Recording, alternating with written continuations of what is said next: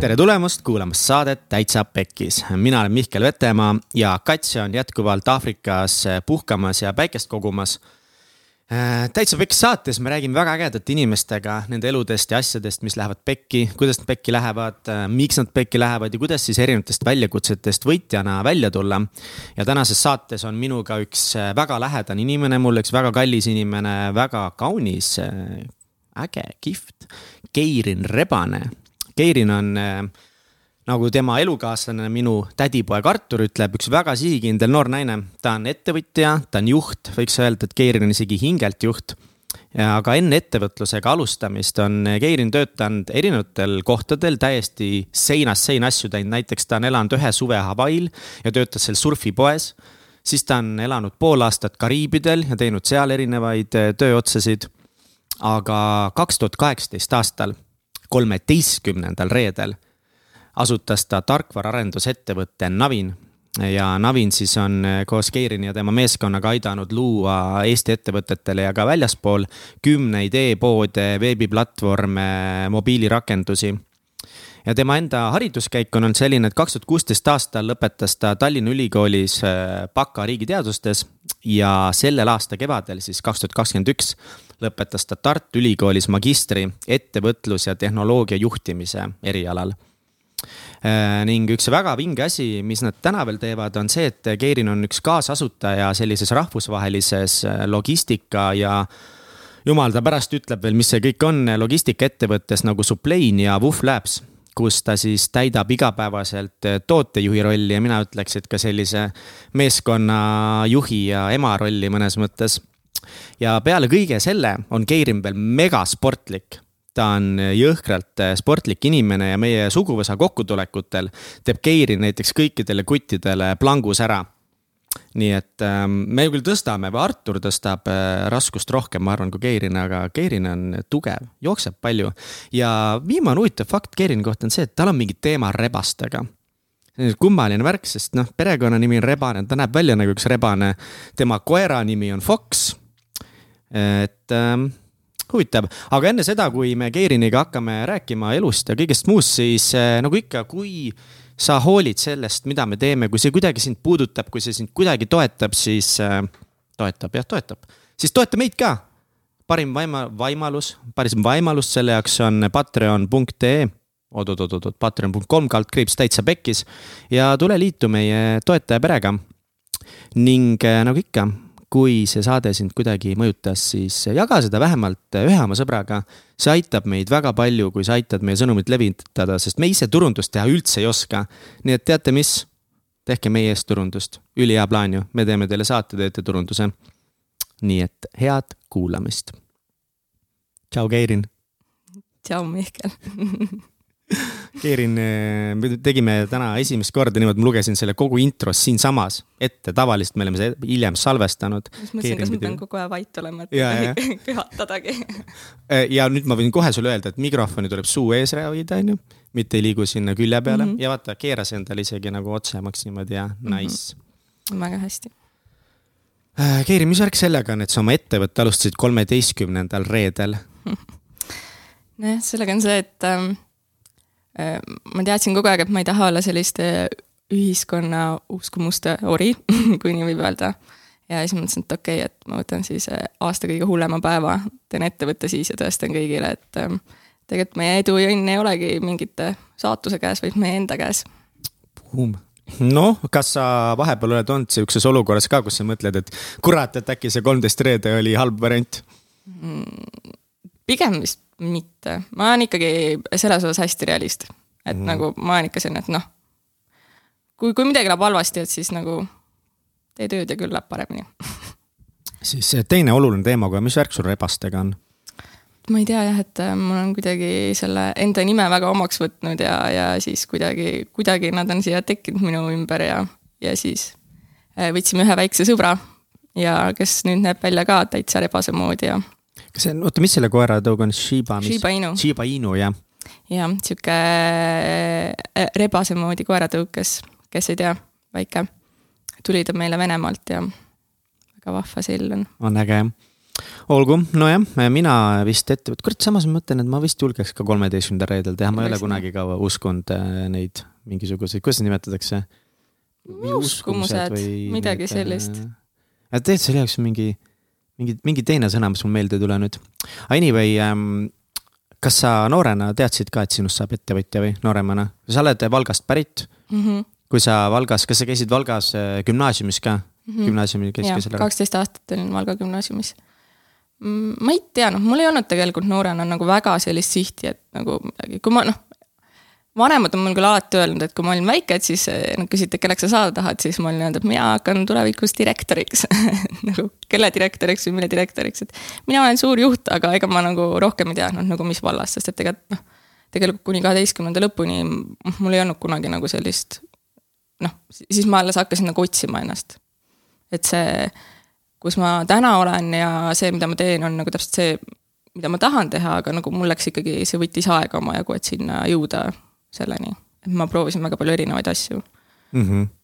ja, ja noh, kooli lõpus oligi, kui ma tegelikult kaheteistkümnenda klassi lõpetasin, siis mul oligi see, et ainuke asi, mida ma teadsin, oli see, et ma ei tahtnud seal Valgas olla, väikses linnas, ma justkui tahtsin nagu väga kaugele minna ja noh, siis oligi see, et kas sa lähed nagu edasi õppima Tartusse või Tallinnasse, siis minu jaoks oli nagu Tartu kohe out. ma olin nagu see, et ma tahan nagu kaugele, ma tahan nagu võimalikult kaugele ja siis Tallinn tundus selline nagu suur linn ja ja siis läksingi Tallinnasse ja ega ma nagu siis ka äh, vaatasin neid äh, kooli mm, erinevaid aineid, kuhu siis sisse astuda ja, ja valisin riigiteadused kuidagi selle järgi, et ma ei tea, mulle meeldis ajalugu ja ühiskond ja raamatuid meeldis ka lugeda ja vaatasin, et on tore. et äh, ega ma sain nagu poole peal juba aru, et see pole nagu päris minu teema, aga kuna ma olen nagu olnud alati pigem selline, et noh, kui ma juba midagi ette võtan, siis ma nagu pooleli ei jäta kunagi mm. -hmm. et noh, käin lõpuni, tegin ta ära. ja siis ma mäletan, et kui ma kooli lõpetasin, siis ma olin, olingi mm, praktikal Tallinna linnavalitsuses. ja seal mulle nagu üldse ei meeldinud. miks, kuidas oli Tallinna linnavalitsuses praktikal olla? no see on täpselt see, et nagu inimesed lihtsalt istuvad ma, ma, ma nagu, ma ei saa sellest aru, sa lähed nagu hommikul lähedki sinna ja siis nagu enamjaolt on lihtsalt sihuke istumine nagu väga pikad lõunad, selline nagu tiksumine, et noh, mõnele inimesele võib-olla väga sobib. aga mm, -hmm, aga nagu mm -hmm. mina tundsin, et ma ei, nagu tahan ikka mingit nagu action'it kuskil. ma käisin kunagi äh, selles äh, majandusministeerium mm. -hmm. kurat, ei, kas see on raha, mis ta täna on, ta oli kunagi raha ja majandusministeerium, ma ei tea, mis, mis ma igatahes. käisin majandusministeeriumis, käisin ka praktikal, ma olin, aga ma olin seal avalike suhete osakonnas ja seal sai küll päris palju nalja tegelikult, aga noh, ma, ma tean, et ongi, et osades riigikohtades on küll ikka käib räige istumine. no just oleneb, kes inimesed ja. nagu ümberringi on ka, et nagu noh, nagu igal töökohal mm -hmm. ma mhm. räägin, et, et nagu väga palju oleneb lihtsalt, mis inimesed sul ümberringi on lõppkokkuvõttes. aga see istumine sulle ikka ei sobinud jah? mulle ei sobinud ikka üldse jah, nagu lihtsalt nagu selline jah. ja siis oligi see, et ma mäletan, ma tulin sealt äh, linnavalitsusest ära äh,. vahepeal ma jõudsin veel ühe suve Hawaii'l olla, et see oli ka sihuke nagu üsna selline crazy minek ülikooli ajal, et ähm, mäletan, et äh, mul vist oligi rahaliselt oli see, et vaata, mul oli vanematel oli kogutud see, mis on see elualustustasu või ma ei tea, kuidas neid nimetatakse, see What? elu, elukindlustusraha või midagi sellist, mis lastele vaat tead küll antakse. ei tea, ma pole küll saanud, aga mm. paps on sisse taskuraha. aga okei okay,, nad kogusid mingisugust elu. kogutakse mingit raha ja siis jah, kui sa saad nagu kaheksateist täis, et siis sul on justkui see mingi summa. aa, ja, ja ma olen kuulnudki nendest jah, davai mm. -hmm. No, aga selle võt... saad kätte siis iseendale, kui sa oled kaheksateist või? Mm, siis sa vist saad selle välja võtta, jah okay.. et äh, siis ma, äh, mul oli see raha ja, ja sellega siis läksime Hawaii'le ja noh, seal olid teised eestlased ka, kes läksidki ühe programmi kaudu sinna, mis aitas meil saada siis viisat toona. ja noh, see oli ka selline pea ees äh, tundmatusse minek täiesti, et mäletan, kui me astusime selle vailpinnal maha, elevus oli nii suur, aga ega meil kuskile minna ei olnud, on ju, ja natukene oli nagu raha taskus, on ju, aga siis mäletan, et esimese öö õnneks saime kuskil äh,, seal oli nagu veel eestlasi ja siis me mingitel lätlastel oli mingi korter seal, nii et äh, Hawaii Dream, magasime kuskil lätlaste korteri peal ja põranda peal maas, ma mäletan hästi palju suuri prussakaid oli igal pool. Õnneks meil läks sellega hästi, ma sain kohe vist järgmisel päeval leidsime endale mingi üürikorteri ja, ja siis saime ka töö seal. kuidas sa töö leidsid seal? Me vist lihtsalt käisime, jalutasime ringi ja, ja ma leidsin ühe super nunnu sellise surfipoe, kuhu nagu tahetigi müüjat. aga kas sul vanemad äh, kuidagi olid nagu kohe poolt selle poolt või et, et sa oma selle raha, mis nad sulle kogunud olid, panid nii-öelda justkui nagu ah reisi alla ära? no e ema on alati mind nagu kõiges nagu hullult toetanud, noh isa ka, aga ma mäletan, et isa esimene lause oli, Hawaii'le, mine, mine kõigepealt Soome tööle natukeseks, vaata, mis sinna Hawaii'le peab minema, onju. et aga ei, nad nagu jah, nad ei ole kunagi nagu otseselt millegi vastu olnud. ja, ja siis mäletan, et jah, et siis tulingi sealt tagasi ja, ja tead, see linnavalitsuse asi vist oligi pärast seda ka veel, noh ja siis mul oli juba hinges oli selline nii-öelda hipi ja aloha elu on ju, ja siis olla seal linnavalitsuses, noh, kujutad ette, et see oli nagu midagi muud. et siis ma tulingi mm -hmm. sealt, sealt noh, pärast seda praktikat ma sinna tööle ei läinud. ja siis ma läksin äh, tööle hoopis ööklubisse Läksime Võsu, Võsu seitsmendas taevas olime nädalavahetuseti klubis ja noh, seal toimus action oi, seal sa kindlasti, sa olid seal baaritamm või mm.? kaua sa olid seal, kaua sa tulid? see oligi, ta oli suveti lahti, et siis mm -hmm. meil oli seal, esimene suvi oli sõbral, noh, kes ta baari pidas ka, et neil oligi maja võetud, nii et me olimegi sõpradega, noh, põhimõtteliselt elasime seal. kõlab nagu pidu oli kõva pidu? oli kõva pidu kogu aeg. aga mis sa siis mõtlesid nagu, et mis sinust, kas sa, kas sa hakkasid vaikselt nagu mõtlema selle peale, et huvitav, mis tulevik toob või sa pigem nagu oskasid kuidagi tol hetkel elada hetkes? ei, see oligi see, et ega ma nagu ei teadnud, oligi nagu natuke see, et noh, teeb midagi, aga nagu ega ei teadnud küll nagu. ja siis äh, me läksime toonase elukaaslasega, lõpetasin kooli eh, ja siis me läksime Kariibidele ja olimegi seal. kust te raha saite, et Kariibidele minna mm,? toonane elukaaslane mängis pokkerit siis, et siis nagu noh, ta töötaski sealt. aa, vaps see mm. -hmm. lihtsalt mängis pokkerit ja sellega suutis elatist teenida endale mm, -hmm. nii et saite Kariibidele minna mm, -hmm. väga lahe. ja siis noh, mina tegin eh, seal olles nagu mingit tööotsi on ju, kaugtööd ja, ja siis oligi see, et ühel hetkel me tulime tagasi, ma sain aru, et nagu noh, meil oleks olnud ka võimalus seal kohapeal mingi töö leida, sinna jääda, aga aga ma saan aru, et see ühiskond ei ole nagu üldse mulle nagu, ma olen ikka selline Põhjamaade inimene hinges selles mõttes, et, et äh, selline, no kliima on nagu tore ja soe, aga need inimesed nagu just see suhtumine näiteks, et kui sa noh, mis need lõunamaad inimesed on ju, et kui sa lepid mingi kellaaja või kohtumise kokku, siis no jumala eest keegi üheski kokkuleppes kinni ju ei pea, on ju, kõik on selline bardakk, on ju, et noh, mulle meeldib ikkagi selline väga konkreetsus, täpsus. sa nagu tahad kogu aeg see mikrofoni eest ära minna. ma võtan ta endale lähemale siia nii, aga sulle meeldib konkreetsus, sulle ei meeldi need äh, aeglased? väga laialivalguvad? mulle ei meeldi laialivalguvus ja selline segadus või see, et sa lepid kokku kellaaja ja siis heal juhul äh, teine pool tuleb mingi tund aega, kaks tundi hiljem mm, -hmm. kui üldse viitsib kohale loevata, et selle, selle osas noh, sellises ühiskonnas ma olen väga keeruline mingeid tööalaseid asju kokkuleppeid teha. no vot, siis ja siis oligi see, et me tulime ka Riiblilt tagasi, ma mäletan seda, et siis ma läksin veel Valka olin seal enda kodus, enda toas diivani peal, istusin siis ja mõtlesin, et mis ma nüüd teen. siis oli nagu esimene see, et ma tulin tagasi. istusin ja nutsin lahastavalt, mõtlesin, et ema, mis must saab, mida ma teen, vaata, et nagu, nagu mul oli see riigiteaduse haridus oli, mul ei olnud sellega nagu mitte midagi väga teha, mul, mulle nagu see poliitika ei meeldinud mitte midagi. ja siis ma kuidagi juhuse tahtel oligi see, et me sattusime, hakkasime nagu, mõtlesime, elukaaslane vist tegelikult oli see, et kes ütles, et lähme Tartusse. aga kaua sa nagu nutsid seal diivani peal voodis, ikka, ikka, kui pikk see periood? ma arvan, et mingi nädal äkki või kaks nädalat, midagi sellist. ikka kassisid kodus lihtsalt nii-öelda? ja oligi see, et mida, mida nagu te, teed, on ju, või mis edasi on, et kas minna tagasi Tallinnasse või, või noh, sest ma olin ju tegelikult terve ülikooli ja siis Tallinnas elanud mm. -hmm.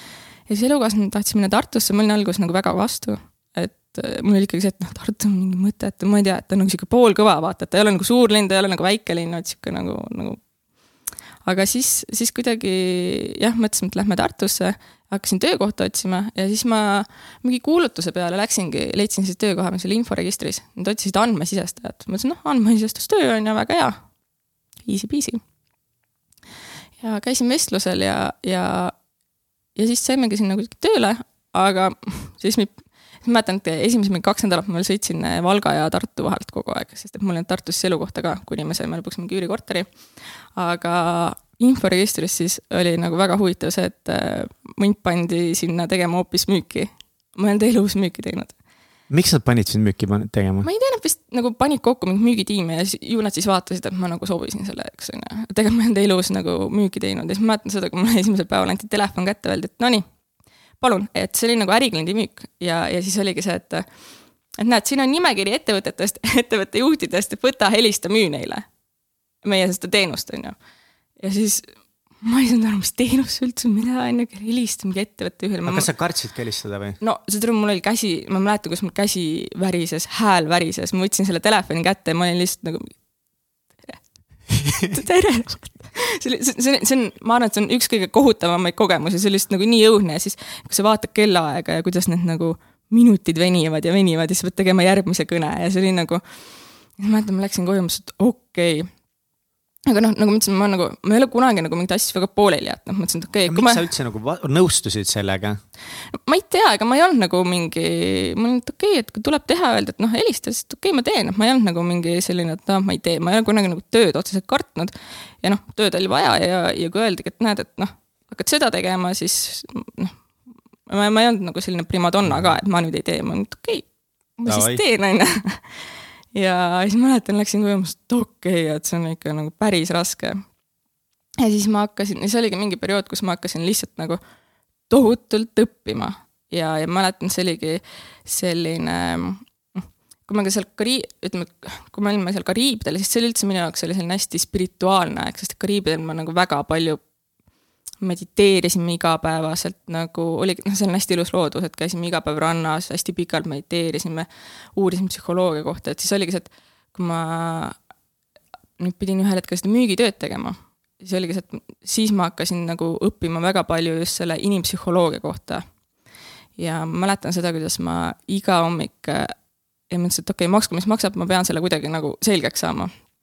et mäletan seda, et ma iga hommik sel perioodil ärkasin mingi kell viis hommikul ja siis oli, mul oli nagu mingi väga pikk selline struktureeritud um, rutiin, ehk siis iga hommik ärkasin üles, panin oma mõtted kirjapäevikusse ja siis hakkasin vaatama neid müügivideoid, ma arvan, ma olin kõik mingi Grant Cardoni, Gary, Gary Vaynerchuki kõigi videod mingi läbi vaadanud, on ju, ja ja lihtsalt tohutult justkui nagu ahmisin seda sisse, on ju, iga päev kirjutasin, ma läksin koju, hakkasin õhtuti neid skripte läbi kirjutama, on ju, lihtsalt nagu noh. aga sa kirjutasid siis, kohe hakkasid välja endale kirjutama, et mida ma ütlen nüüd selle inimese jaoks, aga kas sul ei antud mingeid skripte kaasa, müügimaterjale no,? anti, aga need olid nii halvad nagu. olid jah täpselt sihuke nagu, et noh, pealegi nagu, kui sa helistad inimesele, siis noh, see ei toimi, kui sa nagu, ma arvan, sul on ka helistatud, vaata, ja kui ja, inimene ja. loeb seda, et tere, helistan mm -hmm. siit, on ju, ja palun nagu noh, see ei toimi, vaata ja siis ma hakkasin ise nagu proovisin nagu rohkem oma sõnadega, et olla nagu inimlikum vaata seal teisel pool.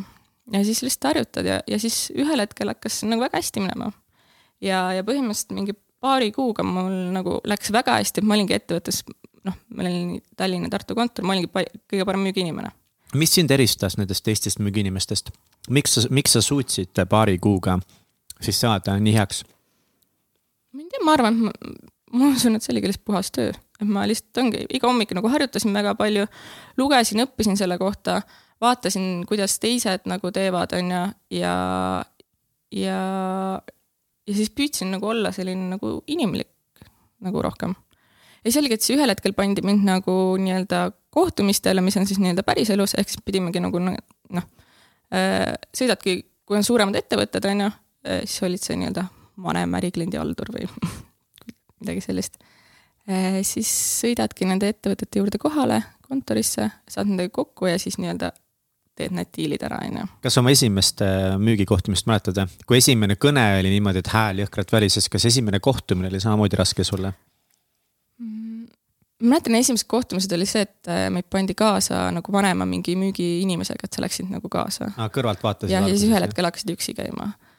kusjuures ma ei mäleta, milline oli vist mu esimene mm, -hmm aga ma mäletan, et nagu see kohtumiste asi päriselus nagu toimis nagu mul isegi veel paremini ja tuli kuidagi nagu lihtsamalt, sest et ähm, noh, seal on kindlasti ka see, et suurte ettevõtete juhid on kõik sellised mehed, on ju, ja siis mul olid toona veel siuksed hästi pikad blondid juuksed ja siis ma panin mingi sellise pliiatskleidi selga ja punased huuled ja suured valged lokid, on ju, ja siis lähed sinna kohale, et noh, see võis olla ka mu eelis nende nende kuttide ees, kes seal seda müüma pidid, onju. kasutasid kõike, kõik trumbid panid mängu, jah? no pluss siis mul oli ju taust oli see, et ma olin pikalt töötanud ülikooli ajal ööklubis ja erinevates baarides. aga kuidas see aitas sind, kuidas see ööklubi kogemus? ööklubis on ju ka tegelikult müügitöö, et selles mõttes, kui sa võtad, kuidas see palk on, siis see tegelikult sa, suurem osa sinu palgast ju moodustabki tipp, mis sulle jäetakse. okei okay.. ja mehed peavad sulle nii-öelda tippi jätma, et mm -hmm. siis noh, sest naised üldiselt nii palju ei jäta. nüüd juba vist jätakse, aga Davai, ja kuidas, kuidas sa ööklubis tippi saad? mis, kuidas see käib? meeldiv olema kuidagi.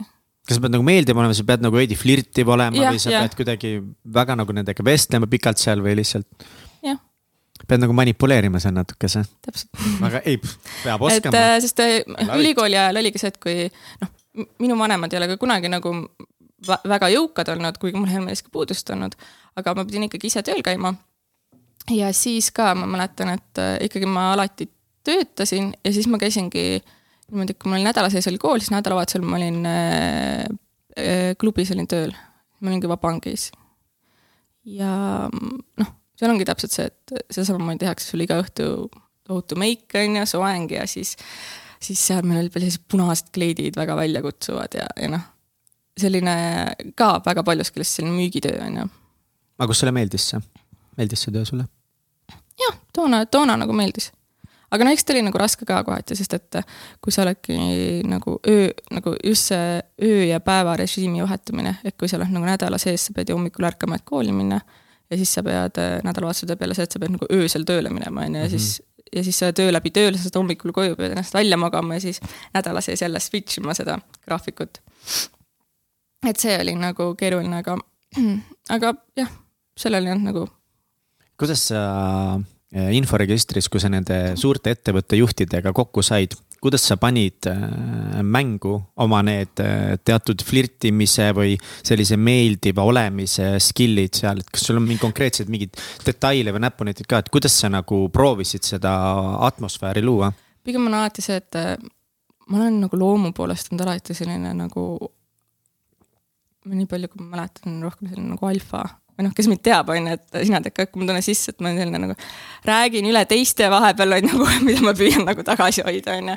aga selline nagu pigem nagu intensiivsemat sorti inimene ja samamoodi, mida ma olen nagu tähele pannud, kui ma tookord nagu, kui ma müügitööd tegin, et siis pidin nagu naisena ka ikkagi on see, et nagu mehed vaatavad justkui, eriti kui nad suured ettevõtete juhid on ju, nad vaatavad sulle nagu natukene ülevalt alla on ju, et noh. eriti kui sa oled, ütleme. sa oled noorem ka veel. see on noor mingi müügi, müügitüdruk on ju, tuled sinna, et noh, et siis sa pead olema nagu, selliste inimestega oligi see, et sa pead olema nagu väga alfa ise ka, et sa lähedki sinna. sul on nagu selg sirgu, sa ei tohi näidata ennast nagu väga nõrgana, sa lähedki sinna, sa surud nende kätt, su käepigistus peab olema väga tugev, sa pead otse silma vaatama ja sa pead nagu justkui teadma väga hästi, millest sa räägid, või noh, sa peadki teadma, millest sa räägid et, et jah, see nagu, see ei tohi olla nagu nii nõrk, et lihtsalt siis just sõidetakse nagu üle mm. -hmm kindlasti on raskem jah, panna ennast äh, nagu tõsiseltvõetavana, kuidagi näida tõsiseltvõetavana, sest mõtlen, et nagu kui seal tulebki nagu, mitte et see nüüd õigeks, aga ma arvan, et päris elu on ikkagi niimoodi, et kui seal on see suur ettevõtte juht, et talle tuleb mingi sihuke temavanune, on ju samasugune mees, müügimees. ta suhtub temasse ikka väga erinevalt kui mm. noor naisterahvas Väga, kes näeb veel väga seksikas välja väga ka. palju oli sellist, noh, mis sa nüüd mulle müüma tuled tibukene, isegi mingid sellised ja, ja, ja, ja siis. aga mis sa siis tegid, mis sa sellises olukorras teed? Midagi ei tee, sa lihtsalt ikka nagu. sama alfat edasi nagu. oledki lihtsalt, et no vaatame välja. noh, üldiselt, mida mina tegin, oligi see, et ma nagu. Mm, ma, ma ise ei ole kunagi sallinud sellist nagu okei okay,, müü-, ma vihkasin seda müügitööd ka, see oli minu arust kõige kohutavam asi, mida sai teha. ja, ja ma ei ole sallinud kunagi sellist nagu keelitamist ja sellist pähemäärimist, see on minu arust nagu. ehk siis nagu, mida mina tegin, oligi lihtsalt vaata, meil on siin selline teenus, et müüsime nagu sellist reklaamteenust, on ju, et siin on sellised asjad sul on võimalik enda ettevõtet siis nagu siin, siin reklaamida, maksab sulle nii palju, sinu kasum on sellest, tahad, ei taha? tahad, okei okay,, teeme lepingu ära nagu, et noh, ma nagu püüdsin lihtsalt, et nagu mõelda sellest, et ma tutvustan talle teenust ja siis küsin, kas ta tahab või ei taha, nagu kõik. et ähm, kuigi noh, müügis on ka ju erinevad mingeid taktikaid ja asju mm, -hmm. seda tehakse. aga noh, anyways, see oli nagu väga-väga raske ja nõme, et see oligi üks nagu noh, sellepärast mul on nagu mega respekt inimeste vastu, kes teevad seda igapäevaselt, nagu müügitöö on väga-väga raske töö. et äh, kindlasti on inimesi, kellel tuleb see kuidagi loomulikumalt, aga mul oli alati oli seal noh, ikkagi ta on hästi-hästi pingeline. et ma tean, et müügiinimeste noh, need, kes on väga head müügiinimesed, neil on palgad väga kõrged, aga mul on alati nagu meeletu respekt, sest et noh, see ei tule lihtsalt mm. -hmm see on raske töö. mis sa õppisid sellest äh, kõige rohkem või mis, mis on see mingisugune kogemus või teadmine või skill, mille sa võtad endaga kaasa sealt? või mingi tõekspidamine? ma arvan, et ongi nagu see, et äh, lihtsalt äh, inimestega suhtlemine, mis on tegelikult nagu lõpuks ükskõik kust vallas sa oled, ükskõik mida sa teed.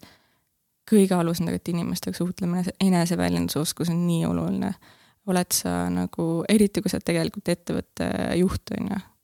Et sa pead lihtsalt oskama nagu enda mõtteid kuidagi formuleerida niimoodi, et teine pool saab sellest aru mm. -hmm.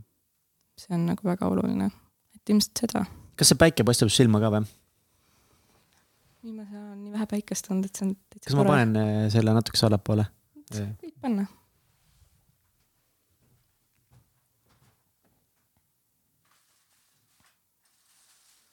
viimane päikesekiir läks. Tagasi pimedusse. tagasi pimedusse jah, see väike päike, mis meil on. kuidas sa tot-, tot-, tutvusid jah, issand, eh, minu kalli tädipojaga, kellega ma koos üles kasvanud, minu vennake on Artur, temaga sa siis tutvusidki inforegistris? jaa, Artur oli samamoodi kuidagi juhustada sinna sattunud. Eh, tema vist ka alguses tegi seal, oli pandud ka kohe müüki tegema, nagu meid kõik, et aga siis ta vist ka väga palju ei jõudnud seda teha, et siis ta hakkas seal mingeid IT-asju tegema, on ju. ja siis äh, äh, temaga me seal tutvusime, meil oli kohe kuidagi väga hea klapp, et me noh, olime väga head sõbrad. ja siis me ühel hetkel hakkasimegi nagu ka arutama, et okei okay,, et tahaks nagu ise midagi teha või sellist väljakutset, ühel hetkel nagu noh, mul läks ka inforegistris müügis läks juba normaalselt läks kõik hästi ja tundsin, et see ei ole nagu niivõrd väljakutsuv enam, on ju. ja mul nagu ikkagi olnud alati see, et nagu tahaks mingit väljakutset või sellist nagu kõditaks midagi, et noh, midagi sellist suuremat, on ju. ja siis meil oli ka alguses selge, et okei okay,, et võiks ise midagi teha ja siis no ma mäletan, et äh, põrgatasime ikka igasuguseid seal ideid, et noh. näiteks mm,? ma mäletan, oligi toona äh,, meil oli vist mingi esimene idee oli teha mingi e-pood, kui ma ei eksi, kus me mingi müüme edasi mingeid telefone, mida, midagi sellist telefon, iPad ja midagi sellist, siis me nagu, ühesõnaga mingid erinevad ideed, mis lõpuks mitte kuskile ei viinud. aga, aga siis oligi see, et ühel hetkel äh, me nagu arutasime, et midagi tahaks teha, on ju, et aga, aga ei tea, mida. Noh, ja siis nagu midagi ei toimunud, me olimegi siis inforegistris edasi. ja põhimõtteliselt, kus see muutus tuli, oligi siis sellest, et läksin ühele müügikohtumisele kliendiga ja, ja siis see klient rääkis, et oligi Tartus tegutsev ettevõte selline suur firma ütleski, et jah, et nagu hästi lahe selline vene mees oli, ütleski, et noh, et ei no väga tore, et ma võin seda reklaami osta küll, et ta teab, mul on nagu palju suurem probleem, on ju, mul ei ole kodulehte, ma ei tule kuskilt Google'ist välja, on ju, et no jume, jube jama. Siis ma nagu korra sekundi mõtlesin, siis ütlesin, kuule, tead, et ma võin sind aidata, et nagu mul on endal üks teine väikeettevõte, et me võime sulle teha nagu kodulehe, on ju, et me teeme tegelikult Google'i reklaami ka, et kui tahad, et ma võin sulle pakkumise teha. siis ta mingi, et jaa, jaa, tee, et küll ma siis pärast seda reklaami ka ostan, on ju, okei okay et äh, ma saadan sulle siis pakkumise, et siis teeme ära, onju, et davai, vaata. mäletan, kõndisin siit välja. nii? ja siis võtsin telefoni ja helistasingi, et tšau, Artur, kuule, et äh, kodulehte oskad teha? Aga nagu klassikaline Artur jaa, oskan küll, mul oli kunagi ülikoolis oli meil mingi esimesel kursusel räägiti kunagi sellest, vaata. ma mingi, et okei okay,, et kuule, et aga meil on üks klient, et teeme, tee, tee mulle kodulehte, vaata. Davai, vaata ja siis oligi see, et. Äh, aga tegelikult ega Artur ka ei osanud väga veebilehti sel hetkel. ta ei olnud kunagi tegelikult teinud. ta ei olnud kunagi midagi teinud ja Artur ju õppis äh, IT-d küll, aga ta õppis seal ainult mingi ühe, ühe semestri vist või sedagi. Äh, jah, aga noh, ta on alati olnud nagu selline, et äh, siiamaani nagu, et mingi idee tuleb, siis ta ei ole mitte kunagi vist öelnud, et nagu ta ei oskaks midagi ta on alati öelnud, et kui ta ei oska, et siis ta uurib välja, kuidas teha. aga kust sinul see oligi... nagu julgus selle koha peal nagu tuli, et et anda, et oh, me teeme sulle pakkumise selle mõtte peale, sest sul ei olnud ei ettevõtet, ei ettevõtluskogemust, äh, IT-s, selles, seal te ei olnud üldse kunagi mm -hmm. nagu midagi teinud, et miks sa nagu seal kohapeal? Ma ei tea, mul ei ole nagu. munad võtsid? mul ei ole kunagi nagu julgusest otseselt nagu puudust tulnud. ma olen nagu alati see, kes mingi järelpoeb asju aga no, mitte. või tegelikult ma poen ette ka, aga nagu, aga, aga siis, siis ma kuidagi jah, mõtlesin, et, et davai, vaata, et ma pakun. ja siis oligi see, et põhimõtteliselt mingi paari päeva pärast siis oligi, et ma andsin lahkumisavalduse. Ja Artur oli džentelmen, ootas ära, kuni mina andsin, siis ta läks kaks minutit hiljem, andis enda lahkumisavalduse. ja siis ma. miks? miks te andsite lahkumisavaldused? noh, et, et me tundsime, et me olime vaata pikalt äh, mõelnud, et võiks midagi muud teha. et justkui noh, mida ma usun ka see, et sa ei saa üles ehitada midagi muud nii-öelda pärast mingi töö kõrvalt, sest et reaalselt, kui sa oled ikkagi kaheksa tundi päevas tööl, see võtab sul nii palju ära, et siis pärast seda veel kuskil diivani peal hakata mingit uut asja üles ehitama, sa lihtsalt tegelikult ei jõua. et nagu noh, mul on täiega nagu respekt nende inimeste vastu, kes justkui nagu oma põhitöö kõrvalt suudavad veel midagi suurt üles ehitada, et see on nagu noh samamoodi sa ise ju rääkisid ka, et noh, et te tahtsite oma seda äppi teha, et lihtsalt tegelikult sa ei jõua. sa oled tööpäeva lõpuks nii väsinud, on ju. Mhm, ja, ja me tundsime, et okei okay,, et aga nüüd, kui me ära tuleme, et siis meil ei ole nagu, meil ei jää muud üle, kui nagu õnnestuda. me peame seda nagu tegema. et kas sul oli mingit raha säästetud ka kõrvale pandud? midagi oli, aga nagu mitte palju. aga sa olid sellel ajal oligi, suhtes mäletan, Tauriga veel? jah, ja ma mäletan, et siis oligi see, et ja, ja miks see idee tuli, oli ka sellest, et Tauri oli, töötas äh, ühes teises agentuuris Tadas Tartus. Ja ma olin nagu paar korda seal käinud ja siis ma vaatasin, et noh, et temal on nagu lahe töökoht, nagu kuidagi lahe tundus see agentuuri elu, vaata. Yeah.. siis me olime mingi davai, teeme, teeme siis kah ja siis oligi, me tulime sealt äh, töölt ära. Ja siis alguses tegime mingi oma diivani pealt ja siis mäletan, et esimene, põhimõtteliselt esimese raha siis, mis me saime sellelt esimese kodulehe eest. sellelt samalt eh, Vene ärimehelt mm? -hmm. aga tema siis võttis teie pakkumise vastu? jah, ja ta on meil kusjuures siiamaani veel täna klient aga kui, kui, kui kiiresti selle pakkumise talle kokku panite, sest see on alusta-, alustavatel ettevõtjatel, eh, ma tean, väga suur väljakutse üldse aru saada, esiteks noh, see, kuidas seda teostama hakata, selleni teil tegelikult veits aega veel on ju. aga mm. kuidas teha üldse pakkumine, kuidas oligi. hinnastada ennast, mis, palju see maksab? ega lõpuks selle hinnastamisega mul siiamaani on nagu, see ongi keeruline nagu seda paika saada ja siis ma ei mäleta, mis me selle hinnaks panime, noh, ma ei tea isegi, kus me võtsime, sest mäletan, et meil meil olid mingid tohutud, tohutud vaidlemised olid ja hästi palju tülisid Arturiga, et noh, toona me olime tegelikult sõbrad, on ju. ja justkui tegime mingit asja, millest me väga palju ei teadnud ja siis ma mäletan, et Artur on nagu alati selline, et ta küsis, et okei okay,, et aga miks me seda teeme, miks me midagi teeme näiteks. ma ei tea mi, miks me sellele siia selle pildi paneme või miks me seda nii tegeme ja siis mul ei olnud nagu kunagi vastuseid selle peale ja siis ma olin, mida sa küsid mu käest, ma ei tea ju vaata, et ma, ma, ma ei tea, vaata lihtsalt tee onju, siis miks me seda kodulehte teeme, ma mingi, ma ei tea, lihtsalt tee ära vaata onju, et aga. aga jah, ühesõnaga kuidagi me selle hinnastasime, siis selle esimese raha eest ma mäletan, ostsime Arturile normaalse läpaka, tal oli mingi katkine läpakas, mis ei tööta. ma mäletan sellist riba. ja, ja, ja siis kuidagi väga nagu orgaaniliselt laski see, et mõtlesime, et okei okay,, et on ettevõte, et siis oleks nagu kontorit vaja. ja siis leidsin mingi kuulutuse, kus oligi Tartu kesklinnas üks korter, sihuke katusekorter. ma korra peatan sind seal, ma tahan mõne, mõned, mõned sammud veel tagasi, et mm. -hmm. kas sa küsisid Taurilt nagu nõu ka või, või miks näiteks Tauri, kas Tauri, tema, tema ju hüpanud nii-öelda asutamise paati koos teiega? no pigem oligi see, et noh, ega tema oli ka alati tegelikult meiega nagu kambas on ju, me tegime mm -hmm. nagu kolmekesi seda Aitaskõiega. aga oligi see, et kuna tema oli nagu tadas ikkagi, ta vist tuligi alles mingi pooleteist aasta pärast nagu. tema nagu täiskohaga töötas seal? tema oli jah tadas ja noh, keegi ju pidi töötama ka, et nagu me, me ei oleks saanud nagu kõik ära tulla, vaata mm. -hmm ja. ta, tema siis nagu toetas rahaliselt ja saaksite alguses mingid põhikulud kinni maksta, süüa osta. jah, meie puhul küll ja, ja noh, Artur sai kuidagi ise, tal olid mingid säästud, sai hakkama et noh, ikkagi väga pikalt ju alguses me ei saanud endale palka maksta, et noh, ma ei tea, millal me esimesed palgakassid hakkasime maksma, see oligi võib-olla mingi aasta pärast alles või midagi. No, jõhker ikka see elu. nagu tohutu, tohutu. aga mis, mis ta nagu arvas, mis, mis Tauri nagu seisukoht oli, kas äh, ta ütles, et ta oli nagu pundis, et kas ta pigem nagu nägi, et see on nagu hullult hea mõte, kas ta oli nagu julgustav või ta veits oligi see, kes nagu ka kuidagi tõi mingit reaalsust sinna juurde, et mis on nagu riskid või mis on asjad, mille peale. me olimegi nagu põhimõtteliselt kolmekesi kogu aeg koos, me olime nagu täiesti täiesti nagu lahutamatud, et ma olingi noh, Artur oli nagu, ta sai Tauriga väga hästi läbi, noh, me saame kõik siiamaani hästi läbi, lihtsalt ühel hetkel tuli see switch, et mina läksin Tauriga lahku ja, ja läksin hoopis Arturiga kokku. aga noh, meil läks kõik nagu väga, väga fine, me olime siiamaani oleme kõik sõbrad.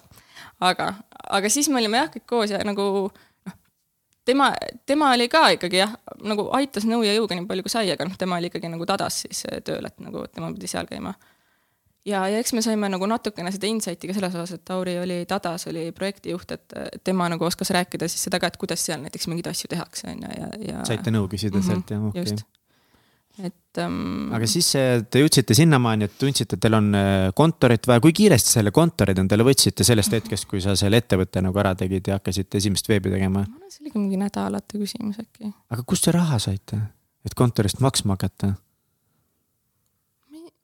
Ma arvan, et see oligi vist mingi noh, mingid enda säästud ja mingid esimesed siis tööd, mis me saime ja mm. -hmm. ja, ja see kõik nagu läkski sinna, et noh, ega meil nagu endal ju suuri kulutusi ei olnud ja mm. -hmm. ja, ja siis me saime kohe, et me noh, leidsimegi selle äh, kontori, et äh, me nüüd just hiljuti alles kolisime, aga me olimegi seal üle kolme aasta. et iseenesest oli selline hästi nunnu kontor äh, Tartu, Tartu kesklinnas ja siis me olimegi alguses, Artur oli kahekesi ja siis Tauril oli tädipoeg Taavo, kes oli terve elu teinud disaine, aga ta oli kodus teinud. ja siis tema oli ka nagu täpselt sellises seisus, et nagu, et ei taha enam kodus töötada, et ta nagu otis kohta ja siis me nagu, et davai, et tule meile. ja siis noh, tänasel päeval ta ongi meil nagu peadisainer, et nagu super andekas ja nagu äge disainer. Millised olid sinu esimesed väljakutsed nagu ettevõtjana, sest see oli uus maa sulle täiesti, sa ei olnud ettevõtlusega varasemalt üldse kokku puutunud, sa võid nuusata, kui tahad mm. -hmm. väike nohupoiss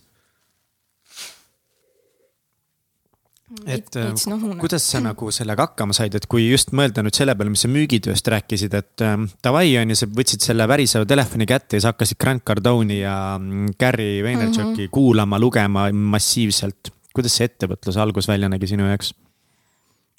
No kõik oli hästi uus kõik oli hästi võõras ja kõik oli selline kompamine, et me ei tea, mida me teeme, aga teeme midagi, on ju, et see oli ikka väga, väga selline, aga no meil läkski kuidagi kõik väga hästi, et väga orgaaniliselt, meil nagu, kui me tegime ka ettevõtte ka, et siis me saime kohe endale sellise ühe suure kliendi, ühe suure keti. ja, ja nemad nagu tõid alguses meie põhilise sissetuleku, et seal oli väga palju, noh, enamalt oligi sellist turundustööd, kus me tegimegi nagu mingitele poodidele ähm,. Mis need on, need Neid äh, mingeid kampaania. kampaanialehed ja kõik need, et mm, -hmm. et äh, noh. see on jälle huvitav, et selles mõttes, et te ikkagi võtsite nagu kõik vastu ja ei öelnud ja. millegile nagu, et ei oska. sest te alustasite ju veebilehe tegemist, aga see on hoopis turunduskampaania, midagi täiesti muud ju ja, ja oligi ja siis me nagu viisime, siis me aitasime turundada ühte seda mototiimi, nii et äh, kõik reisime lihtsalt, et üks suvi me siis aitasime sellele turundust teha ja siis meil oli vaja sinna äh, Äh, promotüdrukuid, promoinimesi, me korraldasime casting'u. See oli nagu üks kõige huvitavamaid asju, et meil oli vaja siis ähm, äh, noh, äh, mototiimi reklaamidesse sellised ilusad tüdrukud, kuidas sa leiad, on ju, valmkuulutused, korraldame casting'u, sinna kirjutas väga palju tüdrukuid, kahekümne, valisime siis kobedamad välja. Ja siis kutsusime nad endale kontorisse.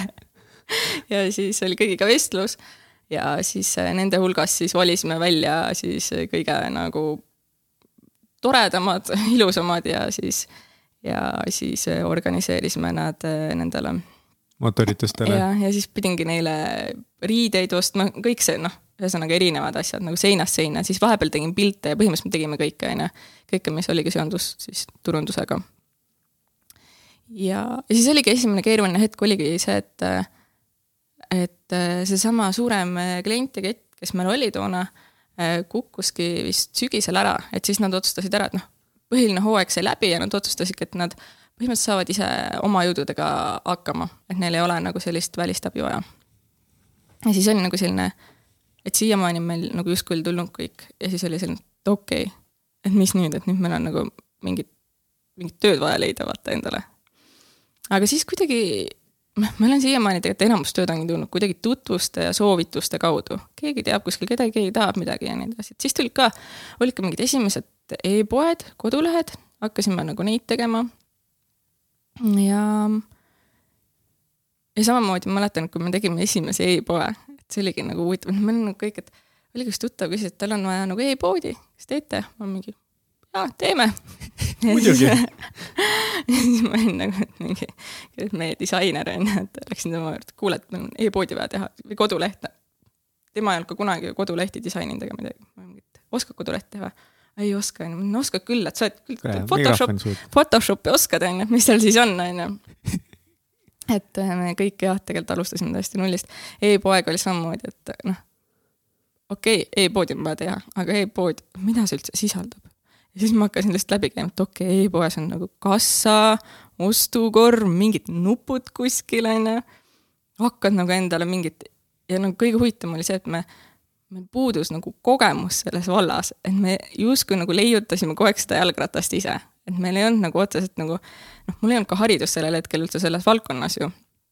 et äh, justkui lood ise mingeid süsteeme kuidagi ja, ja teed neid asju, et selline tohutu õppimise ja arengufaas, aga noh, kuidagi me need kõik asjad ära tegime.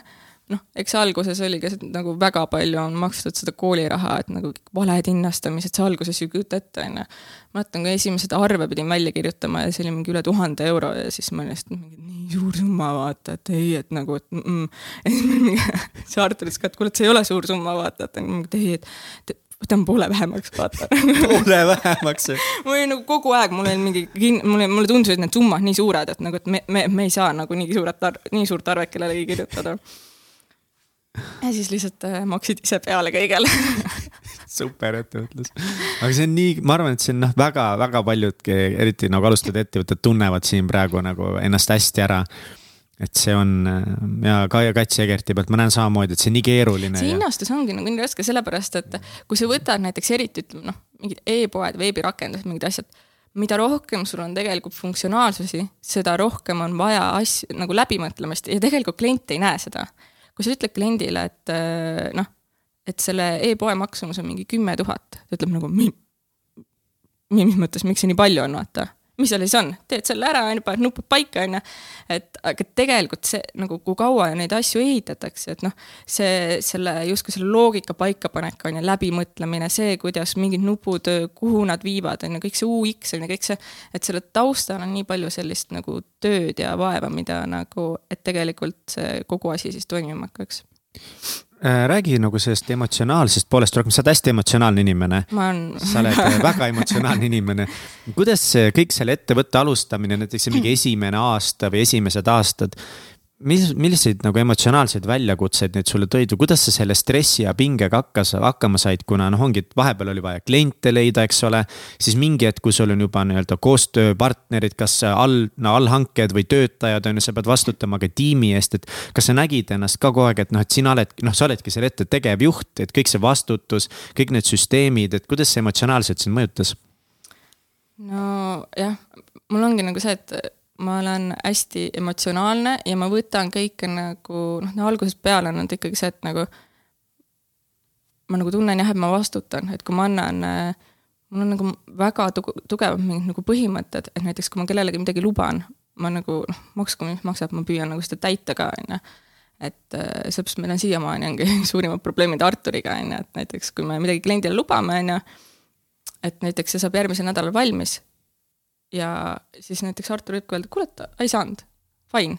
ja siis mina lihtsalt mingi kraabin endal nagu mingi, ma ei tea, silmad peast ära, mingi, et kuidas me saame nii, me oleme ju lubanud, on ju, nagu noh, mul on nagu väga oluline see, et ma nagu täidaksin neid lubadusi ja nagu, nagu justkui võtaksin vastutuse selle eest, kõige eest, on ju, ja siis jah, ja ongi nagu keeruline, sest et vahepeal ükskõik, mida sa teed, sellist ei, ei saagi enda lubadusi nagu täiesti või noh, mingite asjadega lähedki üle, üle tähtaja, eriti arenduses, on ju. et see on jah keeruline olnud ja, ja eriti ka see, et kui sul on nagu, kui meil tekkisid ka juba töötajad, on ju. ma arvan, meil oligi ettevõtluses kõige keerulisem aeg vist oligi, kui, et noh, vahepeal oligi see, et meil oli nagu üsna orgaaniliselt tulid need kliendid, on ju, tööd oli päris palju, aga ikkagi on see, et mingitel hetkedel nagu kaovad need tööd ära ja kõige raskem oligi vist see, et kui see eelmisel aastal, kui see Covid nagu ära lõppes. et me mõtlesime küll alguses, et okei okay,, et see Covid meid ei mõjuta, meie valdkonda justkui ei oleks tohtinud, aga ühel hetkel meie suurimad kliendid nagu tõmbasid kinni, ütlesid, et kuulge, paneme kõik suured arendused, paneme, paneme kõik kinni. et eh, noh, keegi ei teadnud, mis, mis see seis toob, on ju, mis edasi saab. ja keegi ei julgenud nagu uusi asju võtta ja, ja alustada. ja siis ühel hetkel tõmmati kõik tagasi. ja mäletan, et see oligi nagu minu jaoks nagu kõige, eh, kõige raskem ähm, periood või hetk, sellepärast et ähm, et sa vaatad, et okei okay,, mingid suured projektid lähevad nagu kinni, et mis saab, kus muud nagu tööd leiab, on ju, ja mul on nagu töötajad. ja, ja iga päev justkui nagu püüad nagu leida midagi, et mida siis teha, on ju. ja siis meil ei olnudki nagu tööd ja ma mäletan, et see oli nagu noh, see oli mulle nagu vaimselt hästi raske, sest ma kogu aeg kartsin, et aga see ei olegi see, et sa ei karda nagu enda pärast, vaid sa kardaks seda, et aga noh, kuna sa oled nagu noor ettevõte ka, siis sul ei ole mingit sellist puhverraha, et nagu meil oleks olnud nagu mingi, ma ei tea, pool aastat Runaway raha, et kui midagi on, meil ei olnud sellist asja, on ju. et see oli nagu väga-väga stressirohke ja, ja mäletangi hetki, kus ma olin lihtsalt nagu mingi pikali maas ja nagu lihtsalt nagu nutsin ja, ja olingi nagu ahastuses, sest et lihtsalt nagu minu puhul on ka see, et ma olen nagu hästi emotsionaalne ja ma nagu elangi seda väga palju läbi ja mäletan, mul on nagu mingid hetked, kus ma lihtsalt nagu, ma ei jõua. et kui ma näiteks tulingi koju, ma, ma olin nagu kogu aeg lihtsalt mõtlesin, mis saab. ja, ja, ja olingi nagu, mäletan ühte hetke, kus äh, mul lõpuks nagu keeras kõik nii üle, ma olingi nagu pikali maas, Arturil koju küsis, mis sul on ja ma olin nagu pikali maas, ma kraapisin põrandat, ma ütlesin, ma ei jõua lihtsalt enam, onju, Artur ütles, et okei okay,, mis siis on, et paneme, paneme kinni, onju et lähme palgatööle, saame niikuinii kaks korda kõrgemat palka, et nagu fine. ja ma ei ole nagu kunagi võt-, nagu suutnud äh, aktsepteerida seda mõtet, et ma justkui nagu jätan midagi pooleli või midagi nagu noh, ma ei ole kunagi nagu suutnud võtta, noh, tõesti nagu aktsepteerida seda, et et äkki ühel hetkel me peame kinni panema ja me läheme pankrotti. või, või nagu see mõte, et ma lähen töötaja juurde, ütlen talle, et sorry, et äh, mul ei ole sul palka maksta kuidas ma nagu saan, ma olen nagu super, need inimesed teevad tööd, nad on super tublid, on ju, ja kuidas ma saan, mina nagu vastutan selle eest, see oli nagu, on olnud kõige raskem. et äh, ja siis jah, ma mäletan, et ma olingi nagu maas, nutsin, ma ütlesin, et ma ei jõua lihtsalt enam. ma olingi nagu see, kakkusin juuksed, ma ütlesin, ma ei jõua enam nende emotsioonidega nagu hakkama saada, ma lihtsalt tundsin, kuidas ma lihtsalt nagu kogu aeg mingi nagu pea lihtsalt tootis peale, et nagu, et nüüd justkui elad seda hetke läbi, et nüüd ma lähen, vaatan selle inimesele, mul on nagu super tore omadus kõik nagu kõige hullemad asjad nagu endale ette kujutada ja läbi elada korduvalt, korduvalt, korduvalt et äh.... ja sa, sa olid selles põrandal, lihtsalt kujutasid ette nüüd et...? ja siis ma kujutasingi ette seda, seda olukorda, justkui nagu elasin seda järjest läbi. et nüüd ma lähen töötaja juurde, vaatan talle silma ja ütlen, et nagu, et sorry, mul ei ole sul palka maksta ja sa pead ära minema ja siis, ja siis see nagu. lihtsalt kõik need olukorrad ja nüüd ma nagu lahkun viima-, nagu lahkun viimast korda sealt kontorist, jätan kõik maha ja nagu ühesõnaga elad seda hullult läbi ja hullult stressirohke. aga mul ongi nagu hästi palju vedanud sellega, et nagu noh, Artur on mu kõrval alati olnud selline nagu nagu sellistel hetkedel täielik nagu kalju, et ongi nagu, et, et nagu mis siis on noh, kõik, et tema ütles, no mis siis on kõige hullem variant ongi see, et ma, sul on haridus, kõik, võtad endale töö, on ju. aga ja, ja noh, tema on alati ka see, et nagu, et me saame hakkama, me saame hakkama, küll saab. ja see ongi see, et aga, aga ma arvan, et mi, miks ma nagu ähm, äh, see emotsionaalsus kindlasti on nagu mingil määral on selline karistus, aga teisest küljest äh, on see ka nagu hea, sest kui, kui ma olen nagu nii emotsionaalne, siis ma suudan äh, enda emotsioonid justkui nagu välja väga elada. ja see ongi see, et ma nagu olen seal põranda peal maas, ma nutan, ma karjun, kõik on ära ja siis on nagu huh, järgmine hommik ärkan üles, et davai, lähme teeme, vaata, et ma justkui nagu elan selle läbi. mida ma olen nagu tähele pannud üldse inimeste puhul ja kõrvalt näinud, ongi see, et mis kõige hullem on see, et kui inimesed äh, äh, ei ela enda emotsioone välja justkui nagu situvad hinge endale ja see on nagu, ja siis see pärast sööb neid. minu puhul nagu seda ei ole, ma olengi nagu kärtsimürts, nagu tööl ka lihtsalt nagu vabandan ette, kui mõni töötaja ka võib-olla siit äh, juhtub kuulama seda saadet, et nagu ma võin vahepeal olla väga keeruline, ma olengi nagu, lähen kontorisse, tuiskan ringi, onju, et davai, teeme ära, mis nüüd on, onju, mingi hull probleem, mingi paanika, onju. ja, ja nagu vahepeal olengi täpselt nagu midagi on valesti, siis ma võin nagu väga kergesti närvi minna, aga samas mul käibki nagu lõks, et ma olen, noh, me oleme tööl ka nagu Arturiga, et me olemegi nagu mõlemad sihuke nagu kärtsimürts. et äh, ma.... mis see Artur ütles ja mis on sinu suurimad väljakutsed, sa enne, ma ei mäleta, kuidas ta ütles? ma jah, enne seda saadet küsisin ka, et Arturi käest, et nagu, et, et mis sa arvad, mis on nagu minu kõige suurimad väljakutsed ja siis Artur ütles, et mina ei tea, et sul end, iseendaga hakkama saamine ja siis ma küsisin Arturi käest, et aga mis on sinu enda väljakutsed? mul ei ole väljakutseid, mul on kõik hästi, et ma ütlesin, et aga mingid väljakutsed on. sinuga hakkama saamine iga päev on nööri peal kõndimine. sinuga on nagu iga päev nööril kõndimine, et kunagi ei tea, mis juhtuda võib ja mis endast välja võib ajada.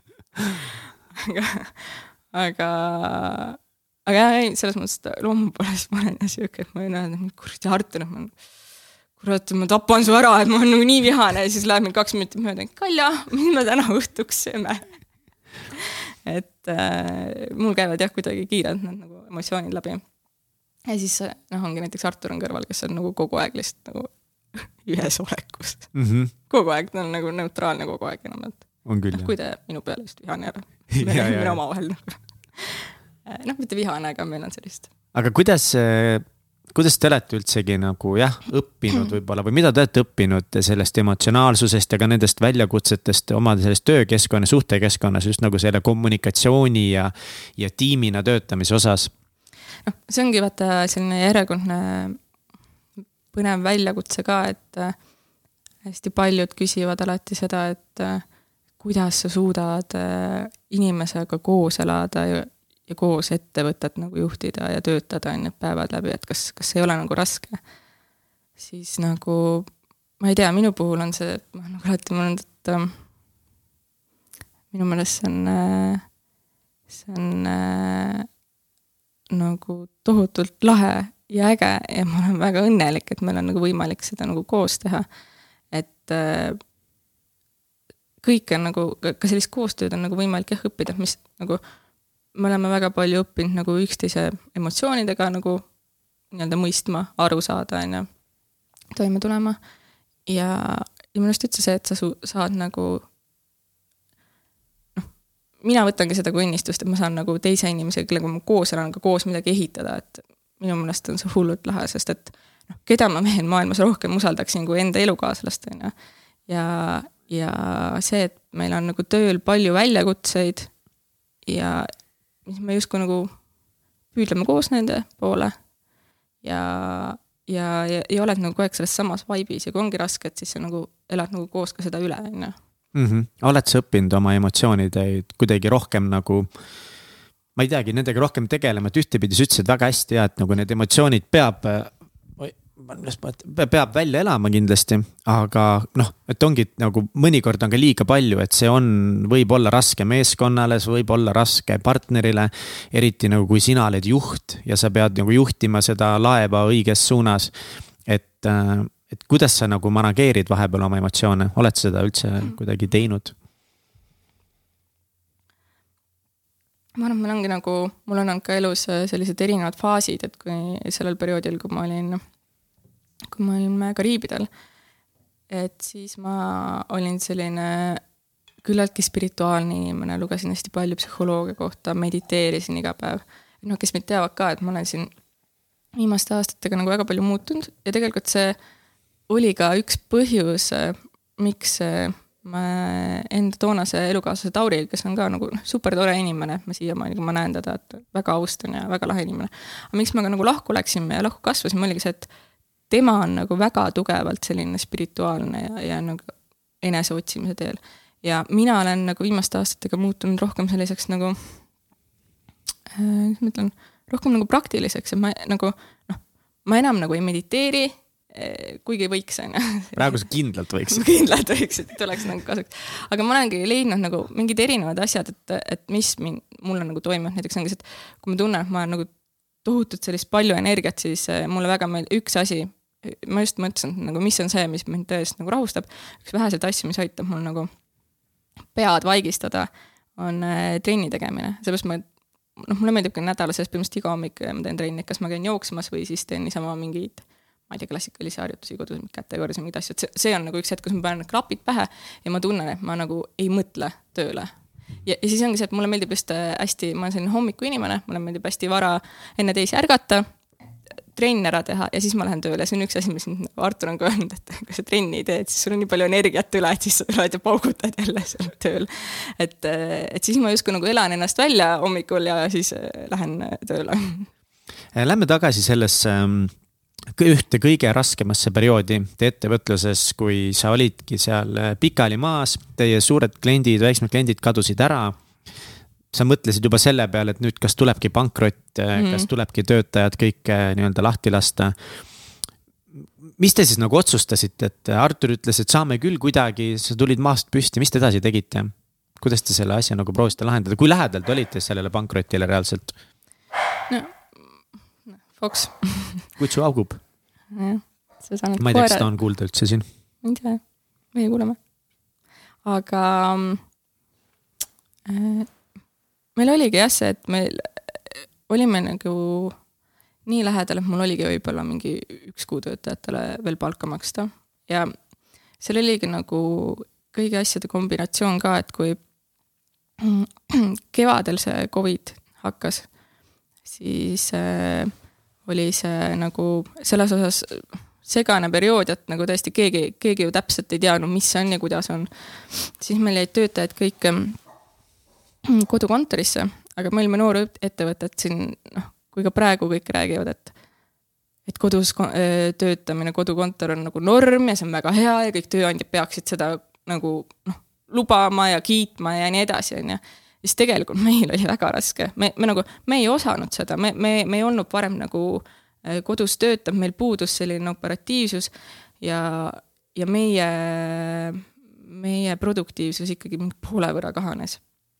meil olid ka ju noored nagu arendajad ja siis oligi see, et kui, kui nad olid, noh, kes olid, meil on tegelikult kogu aeg meie arendustiimi on nagu Artur juhtinud. ja siis, kui meil, meil enamus töötajad ongi tulnud niimoodi, et nad on tulnud nagu praktikale ja siis meie juurde nagu jäänud edasi. Ja siis, kui sul ongi nagu noored töötajad ka, kes on praktikalt nagu jäänud, neil ei ole nii palju kogemust ja nad vajavad nagu abi ja siis, kui ta ongi nagu kodus, ta ei julge hommikust õhtuni kogu aeg küsida ka, et kui nad, kui me oleme kõik kontoris, me oleme justkui üks tiim, on ju, kogu aeg.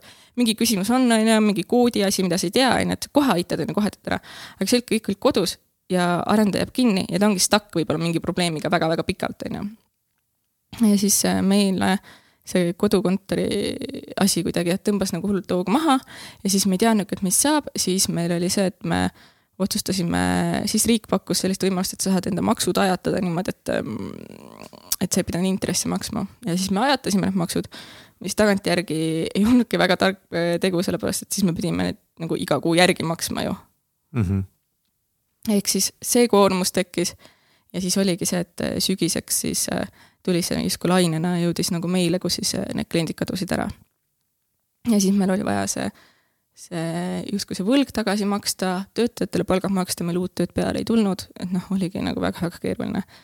ja aga mis me siis tegime, oligi see, et, et äh, okei okay,, vaatame, et mis siis, mis siis annab, et siis me põhimõtteliselt nagu mm, mäletan, koostasime mingid müügikirjad ja võtsime lihtsalt mingi ettevõtete listi ette ja samamoodi lihtsalt saatsime kirju laiali, et tere, et oleme, oleme selline arendusettevõte, teeme sellist asja, kas, ma ei tea, vajad endale mingit uut kodulehte, veepoodi või midagi. kui palju te saatsite neid kirju laiali? väga palju ei saatnud, ma arvan, et lõppkokkuvõttes, lõppkokkuvõttes äkki mingi kümme, viisteist. ja siis sealt tulid kohe nagu mingid esimesed kliendid. aga noh, see oligi sihuke nagu jällegi lõppkokkuvõttes tagantjärgi me oleme öelnud, et ega need selliste klientidega, kellele sa ise nagu kirjutad, mingi väike pudi, ega see ei ole see, kes äh, nagu sind otseselt seda agentuuri ära toidab, on ju. et äh, aga noh, vähemalt mingit tööd me sealt saime. ja saime natuke edasi. ja siis kuidagi mingil hetkel, need lihtsalt vist olid ka mingid reklaamid äkki Facebookis või kuskil Google'is olid üleval.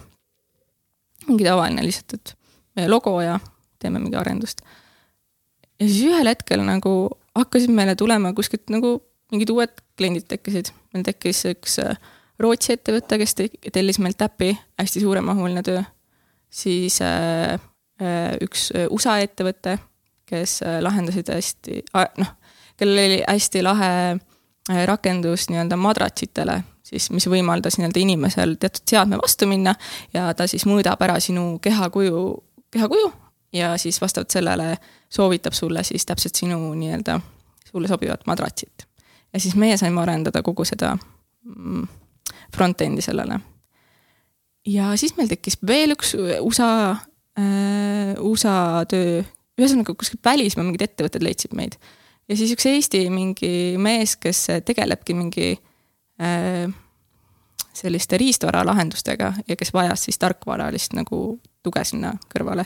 ehk siis meil tekkisid kuidagi lambist äkki hästi palju selliseid rahvusvahelisi suuri töid et siis hakkas nagu paremaks minema. ja, ja, ja siis jah, kuidagi nüüd ongi siiamaani, noh praegu meil on lihtsalt nagu tööd on nii palju, et nagu kuidagi. mis see olukord sul õpetas, mis sa endaga kaasa võtad sellest ähm, Covidi kriisist ja, ja ettevõtte, ettevõtte juhtimise kriisist? ma arvan, et ongi nagu see, et äh, äh ma ei tea, mida nad nagu õpetavad, vaid pigem ta nagu kasvatab sind, vaata. et eh, ma olen nagu inimesena, noh, viimaste aastatega, noh, ma ei ütle, et ma olen kõige tugevam inimene, aga ma olen kindlasti palju-palju tugevamaks saanud. et eh, noh, ma ütlengi näiteks, eh, Artur minu kõrval, ta ongi nagu selline tugev inimene, on ju, et mina olin nagu ikkagi nagu väga nõrk veel aastaid tagasi midagi juhtus, nagu purskasingi hästi kergekäeliselt nagu nutma, on ju, et kohe, et kõik on nagu läbi ja kõik ja ja et nagu noh, ega nüüd on ka ikka igapäevaselt on selliseid palju väljakutseid sul ettevõttes on ju, aga mida suuremad need jamad on, mida keerulisem sul on, tegelikult seda rohkem sind nagu kasvatab. et see on jälle selline asi, mida sa saad tagantjärgi öelda, on ju. et sellel hetkel, kui sa oled selle sees, siis on nagu ülisitt ja nende emotsioonide sees, aga aga kui sa ühel hetkel tagasi vaatad, siis sa mõtledki, et vaata, kui sitt siis oli, et siis ma nagu kuidagi sain hakkama, vaata. et see nagu kasvatab jah inimesena ja ma arvan, et saadki mm, rahulikumaks jääda, kui teinekord on nagu mingid sellised uued asjad. et eks need kõik on nagu vajalikud, et sa inimesena lihtsalt nad suudaksid nagu kasvada. ja sellepärast ongi lahe, kui sa vaatad. väga vaatad. palju pead ka oma mõttemustreid eh, muutma ja mõttemaailma ja see on üldse üks asi, millega sa vist praegu tegeled ka palju, et kuidas üldse mõelda suurelt. mõelda mm -hmm. suuremalt ja, ja näha mingit suuremat pilti ja. Jah, et eh, see ongi see, et eh, meil on nii palju ja mida ma enda puhul ka näen, et on sellist ähm, piiravaid uskumusi, mis ei lase sul justkui teha, mis hoiavad sind tagasi, on ju. et äh, minu puhul on eriti, on ju, et äh, noh, kui me ka nüüd ehitame sellist suurt rahvusvahelist äh, staabiga, millel on nagu ambitsioon muuta kogu maailma nii-öelda logistika toimimist, on ju, ettevõtet, siis ma tunnen igapäevaselt, kuidas mul on endal ka on ikkagi nagu sellised asjad, et ah, mis mina, on ju, ja, ja, ja kuidas mina saan ja et noh, mis mina, väike linnatüdruk ja et, et eh, tegelikult peaks suutma sellest kõigest lahti lasta. et saab küll, kui nagu ma olen alati uskunud seda, et nagu kui sul on mingi eesmärk ja sa tahad kuskile jõuda, siis nagu paned seda tööd sinna sisse ja näed vaeva ja nagu küll siis saab. ma mäletan, et äh, mis ma sellest ajast õppisin ka veel seda, lihtsalt hiljuti leidsin enda päeviku, see on huvitav, praegu ma ei ole seda pidanud, aga ma olen hästi suure osa, kümme aastat enda elust pidasin päevikut, kus ma iga päev nagu kirjutasin midagi sisse. mul on mingi paus, peaks kunagi uuesti alustama. aga leidsin kunagi enda päeviku ja siis oli veits hirmutav, noh, see oli, mul oligi mingi see äh, rutiin, et iga hommik, kui ma ärkasin üles varakult, et siis mingi unise peaaegu päeviku kirjutad sinna midagi, on ju. leidsin enda päeviku, siis ma nägin, et ma olen nagu mitu aastat olen kirjutanud iga hommik, et nagu ähm, sellise lause, et äh,, et äh, Keilin, et ära unusta, et sinu äh, ainus anne on sinu distsipliin. see on kõik, sest et ma olen alati öelnud, et ma pole nagu eriti andekas milleski, ma ei ole mingi hea laulja, mingi hea kunstnik, mul, ma ei ole nagu, aga ma olen alati öelnud, et ainukene anne, mis mulle elus on antud, on distsipliin see on ainu-, et ainult üks anne? niimoodi ise endale kogu aeg ütlesid? jah, et see on üks anne, et nagu noh, et mu kõrval on inimesi, kes on nagu, ma ei tea, tohutult targad ja andekad ja kõike, aga nagu, aga see, kui mul on kõva distsipliin, siis mul on võimalik nagu jõuda edasi, jõuda neist ette. aga mis, kuidas sa, kuidas suhestud selle lausega praegu, mis sa arvad selle kohta? kas see on hea või halb endale niimoodi öelda?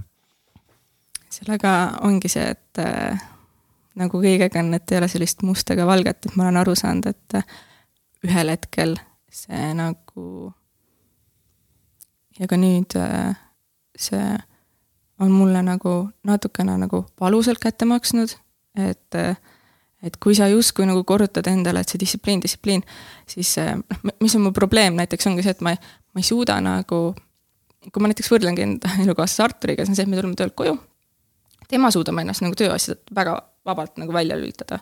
et tal ongi nagu lihtsalt, et äh, mingi tuleb koju, paneb teleka käima, vaatab mingeid uudiseid, on ju, siis minul ei ole nagu väga pikalt, äh, mingi aastaid ma ei ole seda suutnud. ja sellepärast ma vahepeal nagu keen üle kõigest. ma olen nagu niimoodi, et noh, et kui sa oled ise ettevõtte juht ja teed mingeid projekte ja asju, mida sa ei oska, siis sul on nagu kogu aeg nii palju õppida ja ma tulengi töölt koju, ma võtan uuesti arvuti ette, ma hakkan lugema, ma hakkan tegema kogu aeg, et ma nagu justkui tunnen, et ma pean kogu aeg midagi tegema. ja ma nagu ei oskagi niisama olla. sa ei oska ennast välja lülitada? ma ei oska ennast välja lülitada ja ma lähen õhtul magama ka ja siis ma olengi nagu mõtlen ikka nende asjade peale, siis mul vahepeal kodus on mingi see, et mingi enne magaminekut küsin Arturi käest mingeid äh,, mingeid tööasju ja siis Artur ütleb mulle, et äh, ei, et äh, mine magama, me ei räägi praegu sellest, on ju siis ma saan veel vihaseks. Lähed kettas selle peale? ma olen täiega kettas, ma nagu, mis mõttes, kas sa siis ei hooli nagu meie tööst või meie projektist ja siis ma olen nagu lihtsalt mingi, siis järgmine päev mõtled nagu, et jumal, milline tropp ma olen, vaata. aga see ongi sellepärast siis, et sa tunned, et ainuke viis, kuidas sina saad läbi lüüa, ongi see, et sa lihtsalt töötad ülekäik.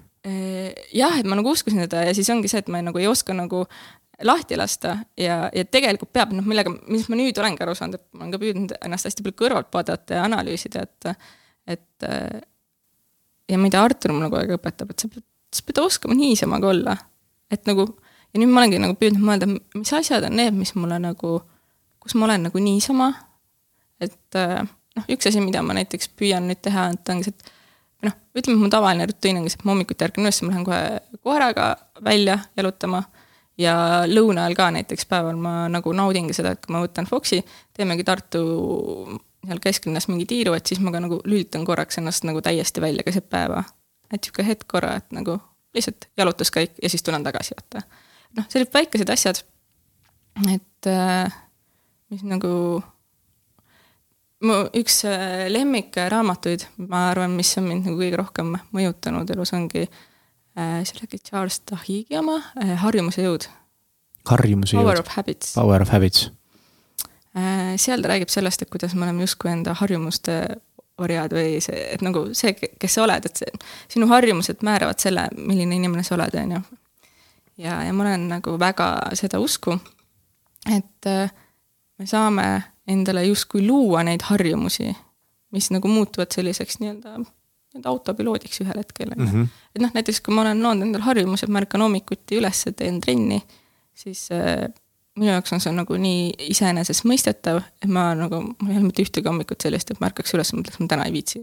nagu hammaste pesu või mingi asi ja tegelikult niimoodi on kõigega. tegelikult niimoodi on ka vaimselt, et sa pead nagu looma endale mingid harjumused, et näiteks ongi, et noh, täna lõuna ajal, et kas sa siis noh, üks asi, mida ma pean tegema, on näiteks looma endale tagasi selle mediteerimise harjumuse, sest tegelikult ma tean, et see nagu, ühesõnaga, sul on vaja endale lihtsalt päevas mingeid hetki, mis tõmbab sind korra alla, on ju, et sa saaksid edasi toimetada. aga noh, minu puhul ongi see, see on siiamaani mul väljakutse, et nagu ikkagi pea tahaks nagu kogu aeg, kogu aeg toimetada nende asjade kallal ja siis ühel hetkel sa tunnedki lihtsalt, et no ei jõua. kas ähm kas sa täna ütled endale, et sul on mingeid muid andeid ka või kas sa näed, et sinus on midagi enamat kui lihtsalt distsipliin mm,? see on väga huvitav küsimus äh, ma arvan, et ikka on, ma arvan, et äh, ma arvan, et ma olen selline, ma arvan, et üks anne, mis ma arvan, et ma olen küllalt selline empaatiline või mida ma olen, aga see võib ka olla see, et ma olen püüdnud seda alati endas nagu arendada, et püüda mõista, mida teine inimene minu vastas tunneb või kuidas tema, ma püüan alati ennast panna nagu võimalikult palju eh, teiste inimeste rollidesse, et, et saada aru, kuidas teised inimesed nagu mõistavad. Et see on üks pool, mida ma olen püüdnud alati arendada, ma arvan, nagu on jube vaikseks jäid küll. kohe tõmbas nii tasaseks. ja ma jah, ma hakkasingi mõtlema, et mis need anded on ja noh, ju siis ma ka ikkagi ettevõtte juhina, et äh, suudan inimesi juhtida, et. mis sulle meeldib ettevõtte juhtimise juures, üldse juht ju, ja meeskonna juhtimise juures? Äh, kui, kui mõeldagi, ma just olen mõelnud selle peale, et mis, mis mind üldse elus teeb õnnelikuks, siis äh, see ei ole nagu mingi raha või puhkus või mingi ilusad asjad siis ma arvan, et kõige õnnelikumaks teeb elus see, kui sa, kui ma saan midagi luua. ja mu nagu kõige suurem eesmärk ongi luua mingit nagu väärtust. ja see, justkui see eneseteostusvajadus. nagu kõige nagu paremad hetked elus on see, et sa saad ühel hetkel tagasi vaadata, et nagu mina tegin seda. või nagu selline nagu, saad justkui iseennast tunnustada millegi eest. ja, ja ettevõtlusega, noh praegu tänasel päeval ma ütlengi, et noh, kui ma olin nagu seal kooli lõpus olin, nagu otsisin ennast, siis praegusel hetkel kogu selle otsimisega ma olen jõudnud siia punkti, kus ma nagu teen täpselt seda, mis mulle nagu tohutult meeldib. et ma ei kujutaks ennast ette praegu kuskil mujal. et äh, meil on äh, noh, meil on, mul on väga vedanud töö ja tiimi ja kõigega ja ma olengi nagu iga hommik lihtsalt nagu noh, nüüd me kolisime ka, et meil on hästi lahe kontor on nüüd äh, uus Tartu kesklinnas. Meil on hästi ägedad inimesed äh, tiimis ja ma lihtsalt nagu ärkan üles ja ma nagu, ma tahan kontorisse minna, ma olen nagu indu täis, ma mäletan, et mul oli kõige keerulisem, kui mul oli siin see kooliperiood. äh, eelmisel talvel ja siis äh, pidin kirjutama enda lõputööd ja siis ma lihtsalt pidin nagu noh, no selle jaoks, et kirjutada, ma pean nagu üksi olema kuskil eemal, on ju. ja siis olin kodus ja ma mäletan, kui ma olin mingi ühe päeva kontorist eemal, siis ma lihtsalt nagu ma ei suuda, ma tahan tagasi minna, vaata. mulle nagu meeldib kõige rohkem see inimestega suhtlemine, mulle, mulle meeldib, kui kontor on rahvast täis, kui on selline melu ja, ja kui midagi toimetatakse. tohutult naudin seda ja, ja seda, et kui sa justkui näed seda, et sa oled suutnud mingi grupi inimesi kuidagi tööle panna. et kui ma nagu näen seda, et mitte kui, mida ma olen nüüd üha rohkem nagu hakanud nägema tiimis ja mida ma tohutult armastan, et nagu see, et et töötaja tuleb tööle, sa ütled talle, et noh, tee, ma ei tea, see ära või too ära, et ta teeb selle ära. aga, aga kui sa näed, et ühel hetkel need töötajad hakkavad nagu ise mõtlema, ise neid lahendusi looma, nad teevad koostööd omavahel ja justkui nagu orgaaniliselt kasvavad edasi ise, on ju, siis see on nagu lahe, siis sa mõtled, okei okay,, et nagu mina panen need inimesed kokku ja siis nüüd nagu. mida sa teed midagi. selle jaoks, mida, mida peab tegema selle jaoks, et sa looksid sellise pinnase, sellise keskkonna, kus nad saavad kasvada ja kus nad äh, hakkavad orgaaniliselt koostööd tegema, sest ma olen erinevaid ettevõtteid nagu näinud, see ei pruugi alati nii minna. et ikkagi nagu juhtidel ettevõtte kultuuri ja sellise mingi teatud pinnase loomisel on nii suur roll, ongi täielikult mm. sinu roll luua nagu see kuidagi, kuidas sa seda teed või kuidas seda peaks tegema? sellega ongi, see on selline väljakutse ka, on ju, millega ma olen ka püüdnud äh, alati tegeleda, et äh, mäletan, kui me ettevõt-, äh, Navini alguses lõime, et siis oli ka meie eesmärk oligi see, et me ise vaimusilmas kujutasime, et et noh, ähm, et see keskkond, kus me varem töötasime, et seal oli ikkagi selline täiesti teistsugune keskkond. et kui me loome enda ettevõtet, siis me teemegi seda täpselt enda järgi, enda reeglite järgi, et see on nagu, et, et ei ole kellaajast kellaajani täpselt käimist ja inimesed saavad käia lõunal siis, kui nad tahavad ja kõik ei, ei pea panema mingit enda tööletuleku aega kirja ja ja et nagu, et on kuidagi selline chill ja kodune, et meie endine kontor, sa vist kunagi käisid ka seal, oligi selline nagu ta oli vaata. jah, ma olen seal palju käinud. Slash korter, kontor on, ta oligi selline nagu teine kodu natukene. ja minu eesmärk on alati see, et kui inimesed tulevad tööle, et nad olekski nagu justkui nagu hea meelega. siis meil oligi nädalavahetuseti, mul, ma andsin kõigile lahti võtmed, ma ütlesin, kui tahate, et noh, Tartu kesklinnas, et pidutsege siin, tehke mingit pidu või midagi sellist.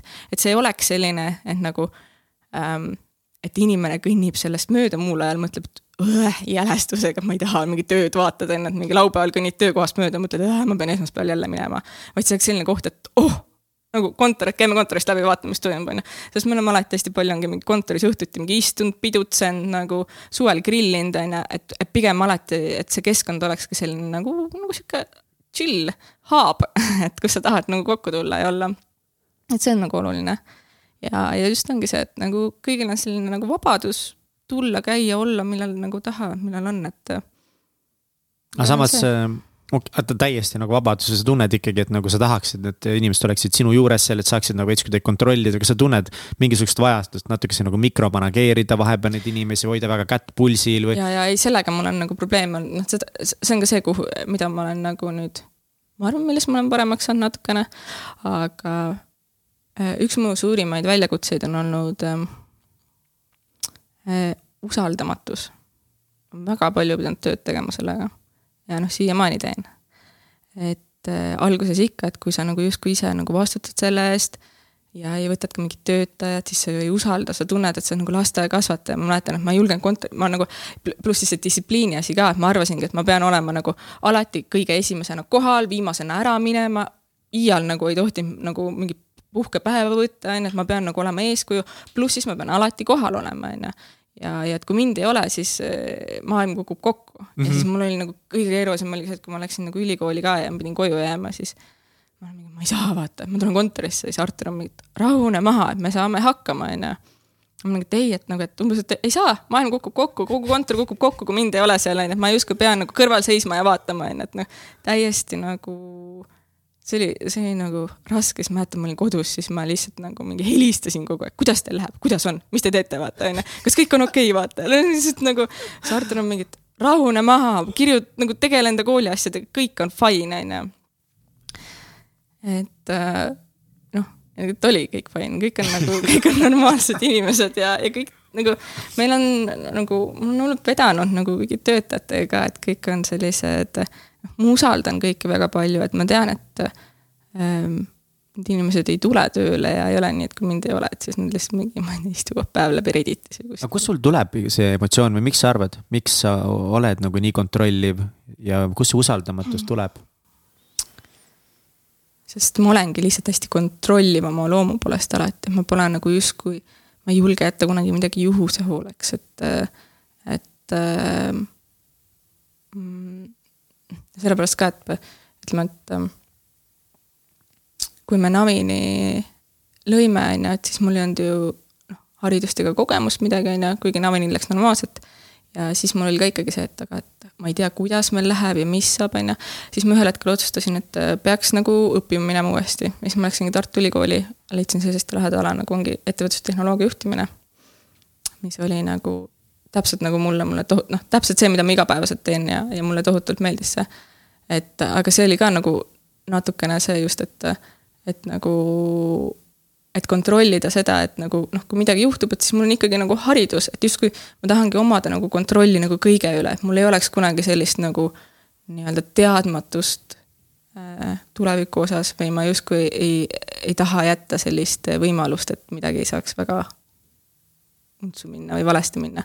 ja, ja kontrollimise poolest ongi ka see, et ähm, jah, et justkui tunned ka tööl, et sina nagu vastutad, sina hoolid selle eest kõige rohkem, on ju, et siis sa justkui nagu peadki kontrollima, et kas kõik teised ka, sest sulle tundub, et kedagi teist ei huvita võib-olla see on ju. no mitte keegi ei hakka kunagi nii palju hoolima ja. sellest äh, sinu ettevõttest kui sina, et sinu töötajad ei hooli kunagi nii palju ja. tegelikult. Nad võivad väga-väga hoolida, see on nagu ja fine. Okay, ja see on, ja see on fine. aga kuidas sa nagu, kuidas sa suhestud selle mõttega, sa ei saa elus kõike kontrollida tegelikult mm.. ja elus ei ole mõtet proovida kõike kontrollida ja mingid asjad, ma arvan, lihtsalt äh, juhtuvad nii, et nad juhtuvad kas see on kuidagi hirmutav mõte sinu jaoks, et kõige üle ei saa kontrolli omada? või mõned asjad peab lahti laskma? see on olnud hirmutav minu jaoks ja nüüd, äh, mida aeg edasi, siis äh, ma olengi praegu hästi suures õppimisfaasis, kus ma nagu näen, et maailm muutub hästi palju minu ümber. ja praegu see uus ettevõte, mida me ehitame, see on täpselt see, mis tuli mulle õpetama, kuidas nagu mitte kõike kontrollida räägi sellest ähm, ettevõttest natukese, mis asi see on, mida te teete? lühidalt, kui seda on võimalik lühidalt edasi anda. Ähm, me alustasime sellega vist äh, selle aasta alguses ja noh, nüüd äh, seal on nagu kaks poolt, üks on Woof Labs ja üks on Suplain. ja Woof Labs oli siis mm, põhimõtteliselt me olime üks esimesi äh, maailmas, kes siis lõid oma NFT kollektsiooni äh,, mille me siis Äh, millega me suutsime siis kaasata umbes mingi viissada tuhat ja siis selle raha me nüüd oleme investeerinud. aga maailmas esimese kollektsiooni, siis logistika valdkonnas sa pead silmas või? Te ju esimest... kes kasutasid NFT-de kollektsiooni, et nii-öelda investeerida seda raha siis uude ettevõttesse mm.. NFT-de kollektsioon on erinevad, on ju. Neid on Eestis vist ka on, äh, Tommy Cash tegi ühe, äkki meil mingi teised, kes tegi sellise suurema no,. kindlasti, seda on nii paljud mm. tegelikult igal pool teinud mm. erinevaid jah et aga meie investeerisime selle jah, nüüd äh, uude ettevõttesse, mida me ehitame, et Suplain. Suplain on siis ähm, protokoll ehk siis plokiahel, mille eesmärgiks on siis, on siis ähm, luua standard äh, kõigile tarneahela ka seotud siis ettevõtetele ja pooltele, justkui selline ühtne standard info vahetamiseks ja, ja miks ma nagu ütlesin, et äh, see ettevõte just on õpetanud mind äh, või õpetab mind asjadest äh, oskama lahti lasta ja mitte omada kontrolli, on see, et Suplain on mõeldud olema tulevikus täielikult detsentraliseeritud.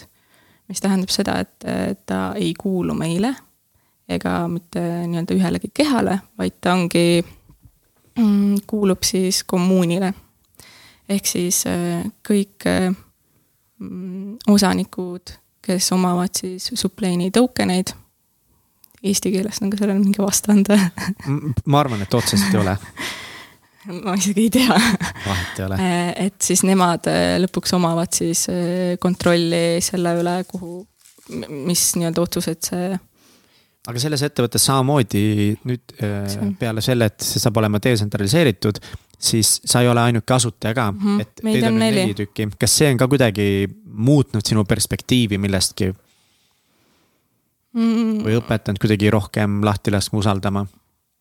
jaa, hästi palju. et ähm, need inimesed, kellega me nüüd koos ehitame seda, on mulle juba hästi-hästi palju õpetanud, mind hästi palju muutnud. ma usun, et paremaks et, äh, et äh, see, see on õpetanud jah, sellist koostööd ja see ongi selline suur koostöö väljakutse. ja, ja seda, et, et ehitada suuri asju, sa pead olema valmis võtma enda kõrvale inimesi, kes on sinust targemad. et äh, kui sa tahad teha suuri asju, siis sa ei saa olla ruumis kõige targem mm. -hmm. see ongi see, et sa pead leidma inimesed, kes on sinust targemad ja, ja teine asi, mida see ongi nüüd õpetanud, on ka see, et meil oli just eelmine, eile oli tiimi koosolek, kus me rääkisime, et, et, et sa ei pea ise kõike tegema. et kui sa oled ka sellise founder sellises suures asjas, siis sa justkui pead täitma väga palju sellist nagu kommuuni hoidja rolli ka. ja sa pead lihtsalt nagu pildis olema, aga sa pead nagu leidma aega, et olla ka niisama, et sa suudaksid nagu justkui neid asju mõelda ja teha. et sa ei tohi ennast matta nagu hommikust õhtuni nende kõigi pisikeste kõigi pisikeste asjade peale, et noh, praegu ongi, noh, me otsime ka nagu uusi töötajaid nüüd ka Navinisse ja, ja ka supleeni ja noh, igale poole oleks vaja ka nagu abikäsi.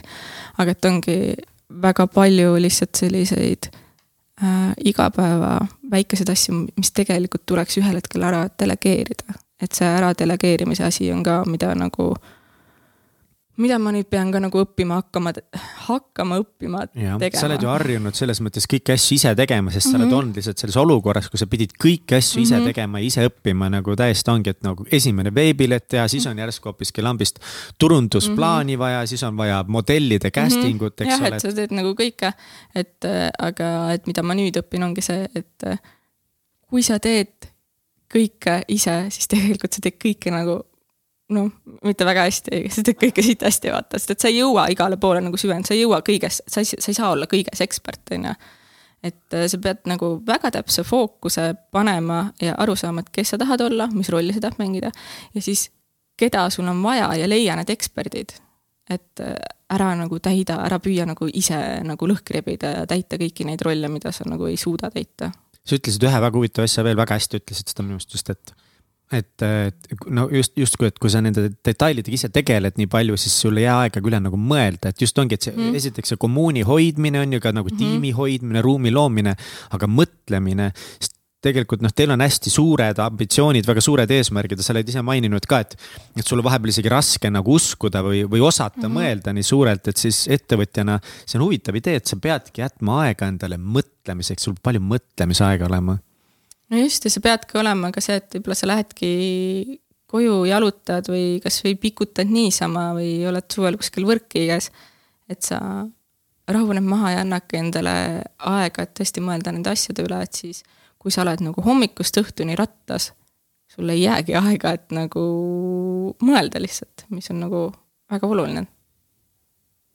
mediteerimine aitab siin, et teha kõigepealt pea puhtaks, tühjaks ja siis pärast seal kõvasti mõtlema hakata. mediteerimine, jah, ma räägin, ma ei ma ise ka ei mediteeri praegu üldse. sa mediteerisid väga pikalt ju. jaa, ma mingi hetk mediteerisin sada viiskümmend kolm mhm. päeva jutti mm. -hmm ja kui ma olin Kariibidel, siis me mediteerisime ka palju ja, ja tegelikult see oli nagu kasuks, ma olin palju rohkem nagu sihuke väga zen siis, aga siis ma olin üldse selline spirituaalsem ka, praegu mm -hmm. ma olen selline nagu ähm, rohkem selline realistlikum. aga kuidas see suurelt mõtlemine sul välja tuleb mm,?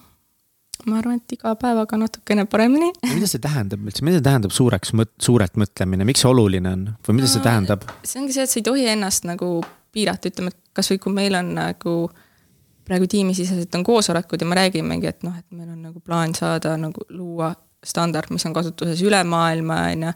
See tähendab seda, et me peamegi kaasama nagu mingil hetkel väga palju raha, me ei räägi miljonit, me räägime nagu kümnetest miljonitest, on ju.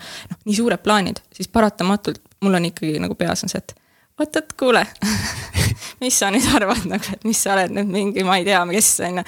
arvad, et sa oled seal nüüd mingi Dubai printsess on ju, ei äh,, äh, äh.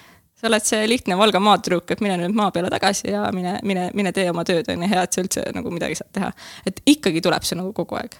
ja siis on see, et justkui pead sellest lahti laskma, et nagu saab küll, on ju, et meil on meil on väga vedanud, kes me elame ka sellises ühiskonnas tegelikult, et noh, kohati on siin Eestis nõme, aga kohati on nagu ikkagi päris lahe. et me elame sellises ühiskonnas, kus sa saadki tulla nullist ja ennast nagu üles ehitada ja teha suuri asju. et äh, igal pool see ei ole võimalik, on ju. see kuigi maailm on üha rohkem nagu jah. nagu avanemas, on ju aga sa pead mõtlema ikkagi ka suurelt, et, et jah, et okei okay,, nagu esiteks see distsipliin ja töökus on aidanud sul navini nii-öelda luua mm. ja need esimesed projektid nagu läbi viia ja sellest läbi tulla ja, ja ellu jääda on ju baasi ehitada, aga tõesti see nagu päriselt maailma muutmine. ja nüüd ongi nagu see baas, kus ongi nagu selline, selline, kus ma töötangi just sellega, et nagu mõelda võimalikult suurelt ja, ja mitte ennast ise nagu tagasi, tagasi hoida. kas on hirmuäratav vahepeal mõelda suurelt? On küll. aga väga palju mõjutabki see, kellega sa koos oled, kellega sa koos aega veedad. see on üks asi, mille peale ma olen just hiljuti seal perioodil enda elus hakanud nagu mõtlema, et kui palju meid mõjutavad meie sõbrad ja need tuttavad, kellega me igapäevaselt koos aega veedame.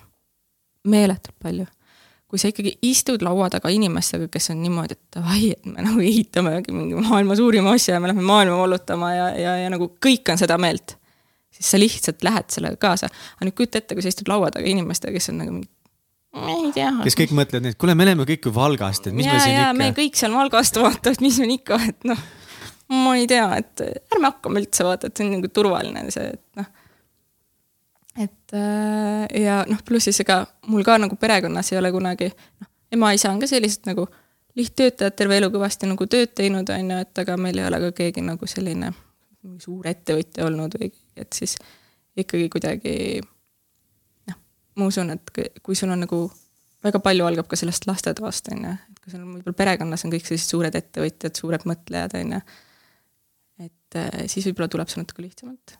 ma mäletan, et mul oli, kui ma, isegi kui ma navini lõin, siis oli see, et perekonnast, mis siiamaani vanaema ja need ikka näevad, siis ütlevad, et jumal küll, et kuuleb, et noh, et kuidas siis läheb, on ju, et oh, neil on raske. ma ütlesin sulle kogu aeg, jää sinna riigitööle, et riigitööl on nagu hea palk, siis ma olen nagu püha jumal, ja seda juttu ma kuulen siiamaani, et tulid siit riigitöölt ära, noh, nüüd on käes, on ju, oled seal ettevõtja, vaata, et mida sa teed. et selle aja inimestel on ikkagi see riigitöö on vaata see Vene ajast jäänud. ole ikka seal linnavalitsuses, istu seal. see oli hea töö ikka, nagu hea soe koht, vaata. muidugi nagu on nagu keerulisem ja raskem, aga siis ma kunagi ütlesin ka emale, et nagu ma tean, et see on raske, aga ma tahangi seda, ma tahangi seda raskust ja ma tahangi seda väljakutset. ja, ja nagu see, mis mul paneb nagu selle silma särama, et just see selline suur väljakutse. Ja tegelikult noh, sa küsisid, et kas on nagu raske suurelt mõelda. Mm.. vahepeal on see nagu noh, hirmutav, aga samas see ongi nagu lahe, lahe, et meil on võimalus nii suurelt mõelda, lahe, et me tegelikult elame praegu sellisel perioodil, kus äh, meil on väga palju võimalusi, nii palju uusi tehnoloogiaid praegu tuleb peale ja noh, ütleme kogu selle veebimaailma on ju, et noh, kõik see, see nii-öelda metaverss, mis tuleb peale nüüd on ju, et milliseid võimalusi me oleme justkui nagu te tegelikult kogu selle mm, Web3 tulekuga äh, me oleme justkui täiesti uuel sellisel internetiajastul, on ju, mis võimalusi see meile loob et kui me nagu läheme sinna ehitama neid asju, mis reaalselt meil on võimalus ehitada asju, mis muudavad maailma ja inimeste elu mm. -hmm. et see on nagu hästi lahe ja, ja hästi võimas nagu ja ma usun, et seda peaks nagu igati ära kasutama. ma tahaks täiega osa saada sellest. jah, ma arvan, et sa saadki. tulebki, tulebki ja. teha see on pöörane ja ka see ongi vahepeal nagu uskumatu, aga ma sellepärast nagu võrreldakse kogu seda krüptovaluuta plokiahela, kogu mm -hmm. NFT-de ja decentralized finance'i tulekut natukese nagu internetiga, kuigi seal on nagu väga teatud mingid erinevused, aga lihtsalt see, et noh, raske on näha vaata ette mis on tulemas, et ega keegi, kui internet tuli, keegi ju täpselt ei teadnud, mis võimalused see siis mm -hmm. loob või mis asi on mingi pagana Facebook chat, eks ole, et mis, mis, no kuidas see võimaldab näiteks inimestel ühenduses olla, on ju. see dotcom buum ju võttis väga paljusid tegelikult jalad alt ära, on ju mhm. lõpuks, aga, aga samas ta ikkagi ju noh, täna, täna praegusel hetkel me ju ei kujuta ette, et ükski ettevõte üldse eksisteeriks niimoodi, et teda internetis ei ole. väga ei kujuta küll, jah üldse ei kujuta. ja siis nüüd me oleme tegelikult täiesti uude nii-öelda eh,, uude ajastusse vaikselt sisenemas, kus tekivad uued tehnoloogiad võimaldavad luua siis uutmoodi täiesti ettevõtteid ja teenuseid, et kogu see jah, krüptoraha on üks asi, aga teine asi on kogu see plokiahela tehnoloogia, mida see võimaldab. NFT-d tegelikult on jah, sa võid ju müüa neid JPG-sid seal veebis, on ju, aga tegelikult need smart contract'id, mis seal taga on, need võimaldavad luua täiesti uudseid teenuseid täiesti uudsel kujul, ehm, mis võimaldabki väga palju, noh, tänu millele ilmselt ma arvan, et nüüd äh, lähima kümne aasta jooksul, et kui ütleme, et mingil hetkel oli see vahendusäri kõige tõhusam äri, siis nüüd hakkavad tegelikult need vahemehed ära kukkuma, sest et tehakse justkui nii-öelda otselahendusi.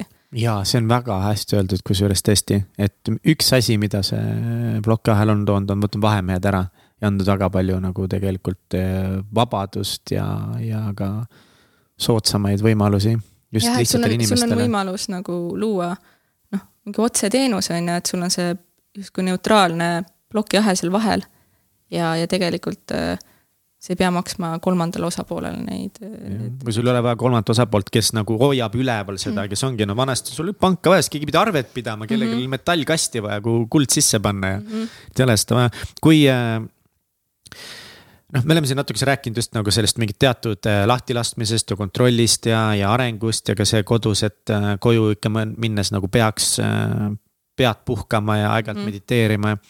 missugust nõu sa annaksid endale tagasi vaadates siis, kui sa üldse alustasid ettevõtlust äh, Naviniga ja kas sa usud, et, et alguses on ikkagi võimalik niimoodi, et sa oled kuidagi väga mingisuguses tasakaalus teatud, et natuke seda tööd ja siis puhkad ja mängid sõpradega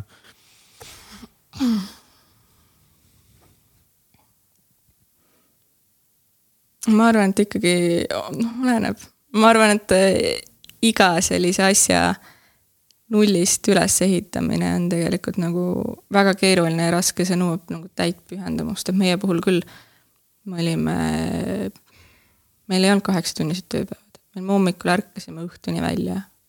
noh, Artur praegu siiamaani, keskmised tööpäevad on viisteist, kuusteist tundi. helistan talle mingi õhtul kell üheksa, tule nüüd koju, on ju. et äh, lihtsalt äh, ma arvan, et me ei oleks nagu õnnestunud, kui me oleksime kuidagi poole vinnaga seda teinud. sest et äh, me nagu panime kogu oma auru ja kõik sinna sisse. ja oligi nagu raske. ja, aga noh, saime kuidagi sellest nagu üle. praegusel hetkel ma olen nagu noh, praegusel hetkel mul nagu oluliselt nagu lihtsam olla, et ongi see, et ma nagu tunnen, et ma olen nagu väga-väga õigel teel ja kogu see asi nagu sest iga päev õpin selle kohta ja jah, see on nagu nii lahe, mida me teeme ja see on, kõik mulle tohutult meeldib. et aga, aga noh, alguses ikkagi, kui me nagu alustasime kõige sellega, et noh, me alustasimegi ja vaata selle turu-, me tegime algusest nii-öelda, tegime siis kodulehti, siis tegime turunduse asju ja siis me olime nagu väga nagu mixed, tegime kõike, on ju, promotüdrukutega möllamist kõike. et eh, siis me ühel hetkel saime ka aru, et okei okay,, sa ei saa nagu jällegi kõike teha, on ju ja, ja siis me otsustasime nagu turunduse asja üldse ära nagu kattida, sest et turundus on ka üks sihuke keeruline, selline tänamatu asi, et sul on selle eest väga raske nagu küsida suurt raha, on ju, aga see nõuab tohutult pingutust tegelikult, et häid tulemusi tuua, on ju. et pealtnäha ühe mingi sihukese sponsoreeritud Facebooki postituse taha kulub ikkagi nagu väga-väga palju töötunde kogu see content'i loomine, kogu see nii-öelda sihtgruppide määramine, kõik see, et noh, sa teed ise, on ju. ja, ja ongi, see on jälle selline töö, mis on nii-öelda telgitagustes käib ja klient ei saa sellest aru, et väga keeruline on kliendile nagu kohale viia nii et fookus on selles mõttes oluline, valida välja siis mingid konkreetsed asjad, mida sa tegelikult teha tahad. oluline jah, oluline on fookus. teine asi on see, et mida ma olen nüüd õppinud ja, ja mis on ka nüüd, et ma olen nagu muutunud natukene enesekindlamaks ja ma julgen nagu ka klientidele rohkem nagu ise öelda, et kui sa oled alustaja, siis on ikkagi see, et sa nagu annad väga järgi, et klient nagu juhib, sest et sa oled ise ka niimoodi, et nagu klient ütleb, et kuule, et sa teed talle hinnapakkumise. et eh, see maksab nii palju ja siis ta on, et kuule, kas soodsamalt saaks või? aga noh, sul ei ole väga palju valikuid, sa oled noh, okei okay,, teeme siis soodsamalt, on ju, lepid kokku skoobis, teeme need asjad ära, on ju ja siis hakkab pihta see, et eriti veebiarenduses, mis on tegelikult siiamaani on see, sa lepid kokku hinnas, lepid kokku projektis ja noh, kasvõi näiteks mingi äh, veebilehe puhul on ju. noh, kuidas klassikaline veebileht, veepood toimib, on ju, see on, no kuidas me teeme seda, meie protsess on ju selline, et kõigepealt tuleb meile sisend, me paneme paika need nii-öelda kliendi teekonnad mm, -hmm. eesmärgid, asjad ja siis disainer loob selle disaini ja siis, kui see disain on ära kinnitatud, siis see läheb arendusse. Nüüd, mida ma alati ütlen, et disainfaasis on lihtne asju muuta, sa tõstad ühe kastikese siia, tõstad teise sinna. pärast on kallis.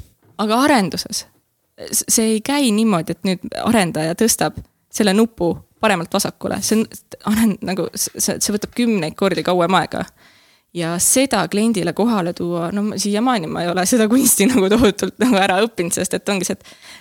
et äh, sa teed selle lehe valmis ja siis, siis kui justkui kõik on valmis, siis alles kliendid hakkavad nagu süvenema, et.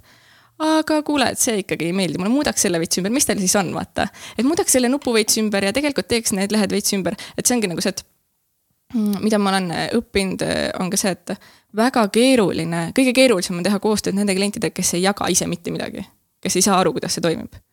ja siis on nagu raske, et kui näiteks su, su klient on keegi, kes natukenegi saab veits aru, mida tähendab mingi veebiarendus või veebilehe loomine, et siis on. Äh, siis on lihtsam jah, kliendi valik on hästi, hästi, hästi oluline tegelikult ja alguses sul ei ole neid variante, sul ei ole väga ole variante valida kliente, aga kui sa ajapikku lähed, siis tegelikult.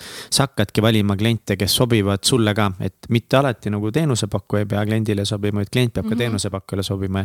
ja see oli asi, mida ma Helmesest nagu väga õppisin ja nägin, kui kui suurt rõhku pandi just sellele eeltööle, kuna noh, projektid on ka väga-väga mhm. suured, eks ole, et, et täpselt, et, et et just need, see baas kõik, et mis kõik, kui palju maksab, millal eest maksad, et klient on teadlik, et klient on olemas, mis on kliendi kohustused, mis on kliendi mm -hmm. roll. mida ta kõike peab tegema, kui ta neid asju ei tee, et siis on ju noh, siis me ka ei tee umbes ja et see on ka nagu teine asi, et ongi et, et vaata teil Helmes, et teil on nagu selline suur ettevõte, teil on ju olemas näiteks testija, teil on olemas analüütik, teil on mm -hmm. mingid protsessid, mis on välja mm -hmm. töötatud mm. -hmm. aga nüüd kujuta ette, kui me nagu teeme, meil ei ole, meil ei ole mingit testijat, meil ei ole mingit analüütikut, me nagu ise teeme kõike, on ju. ja neid protsesse ka niimoodi ei ole, et sul tuleb nagu töö sisse, me oleme kõik need protsessid justkui ise nagu arendanud, välja töötanud, on ju ehk siis klient tuleb sisse, sa teed selle, räägid temaga need asjad läbi, vaatad üle, on ju, sa võid talle küll korrutada seda, on ju, et näed, et siin on see faas, siin me teeme seda, aga noh noh, ikkagi teinekord nagu, ega sa ei saa midagi teha, kui talle ei jõua see nagu kohale, siis lihtsalt ongi, mhm. aga noh, lihtsalt miks see on nagu probleem. et ongi, kui noh, kuulaja ei saa aru, siis ongi see, et sa justkui teed selle lehe valmis, on ju, sul on ju üks fikseeritud summa. ja, ja sa alguses paned selle hinna, just see, see on see hinnastamise probleem, et sa paned selle hinna paika, et ütleme, selle veebilehe peale kulub, ütleme, mingi veepoe peale läheb kaks kuud sa arvestad selle aja, on ju, mis on arendaja palk keskmiselt, on ju, korrutadki selle töötundidega, on ju, ja, ja, ja siis tuleb see hind. ja nüüd, kui see projekt on valmis ja siis klient tuleb, et kuule, võiks seda muuta või võiks seda teha, siis projekt venib sul võib-olla kuu edasi. meil on olnud projektid, mis me oleme nii valesti nagu noh, hinnastanud ja ajaliselt mõelnud, et need venivad kolm-neli kuud edasi aga see on kõik edasi, sealt on see, mis sa pead ise selle nagu raha justkui leidma, sest et sul on ju fikseeritud hind kliendiga. aga kas sa siis ei ole kliendile öelnud kuidagi või et ei ole õnnestunud teil see, et teate, et kõik muudatused hiljem maksavad? sest noh, seda tehakse, no enamus nagu ettevõtted, kes on nagu juba nagu kaua andnud, see, et nüüd kõik maksab. jah, nüüd see ongi see, seesama koht, et mida on nagu vaja õppida, see tugevuse asi. et kui sa oled suurem ettevõte, siis sa saadki seda, aga kui sa oled nagu väike ettevõte, sul on need kliendid, on ju, siis äh, ja sa oledki selline, et noh, et see üks asi, et hea küll, noh, hea, sa tahad seda nagu head koostööd hoida, siis ongi, et hea küll, teeme ära, teeme ära ja siis on nagu iga asjaga. tegelikult jah, nagu peakski olema, et sa lööd nagu rusika maha, et nüüd edaspidi kõik maksab.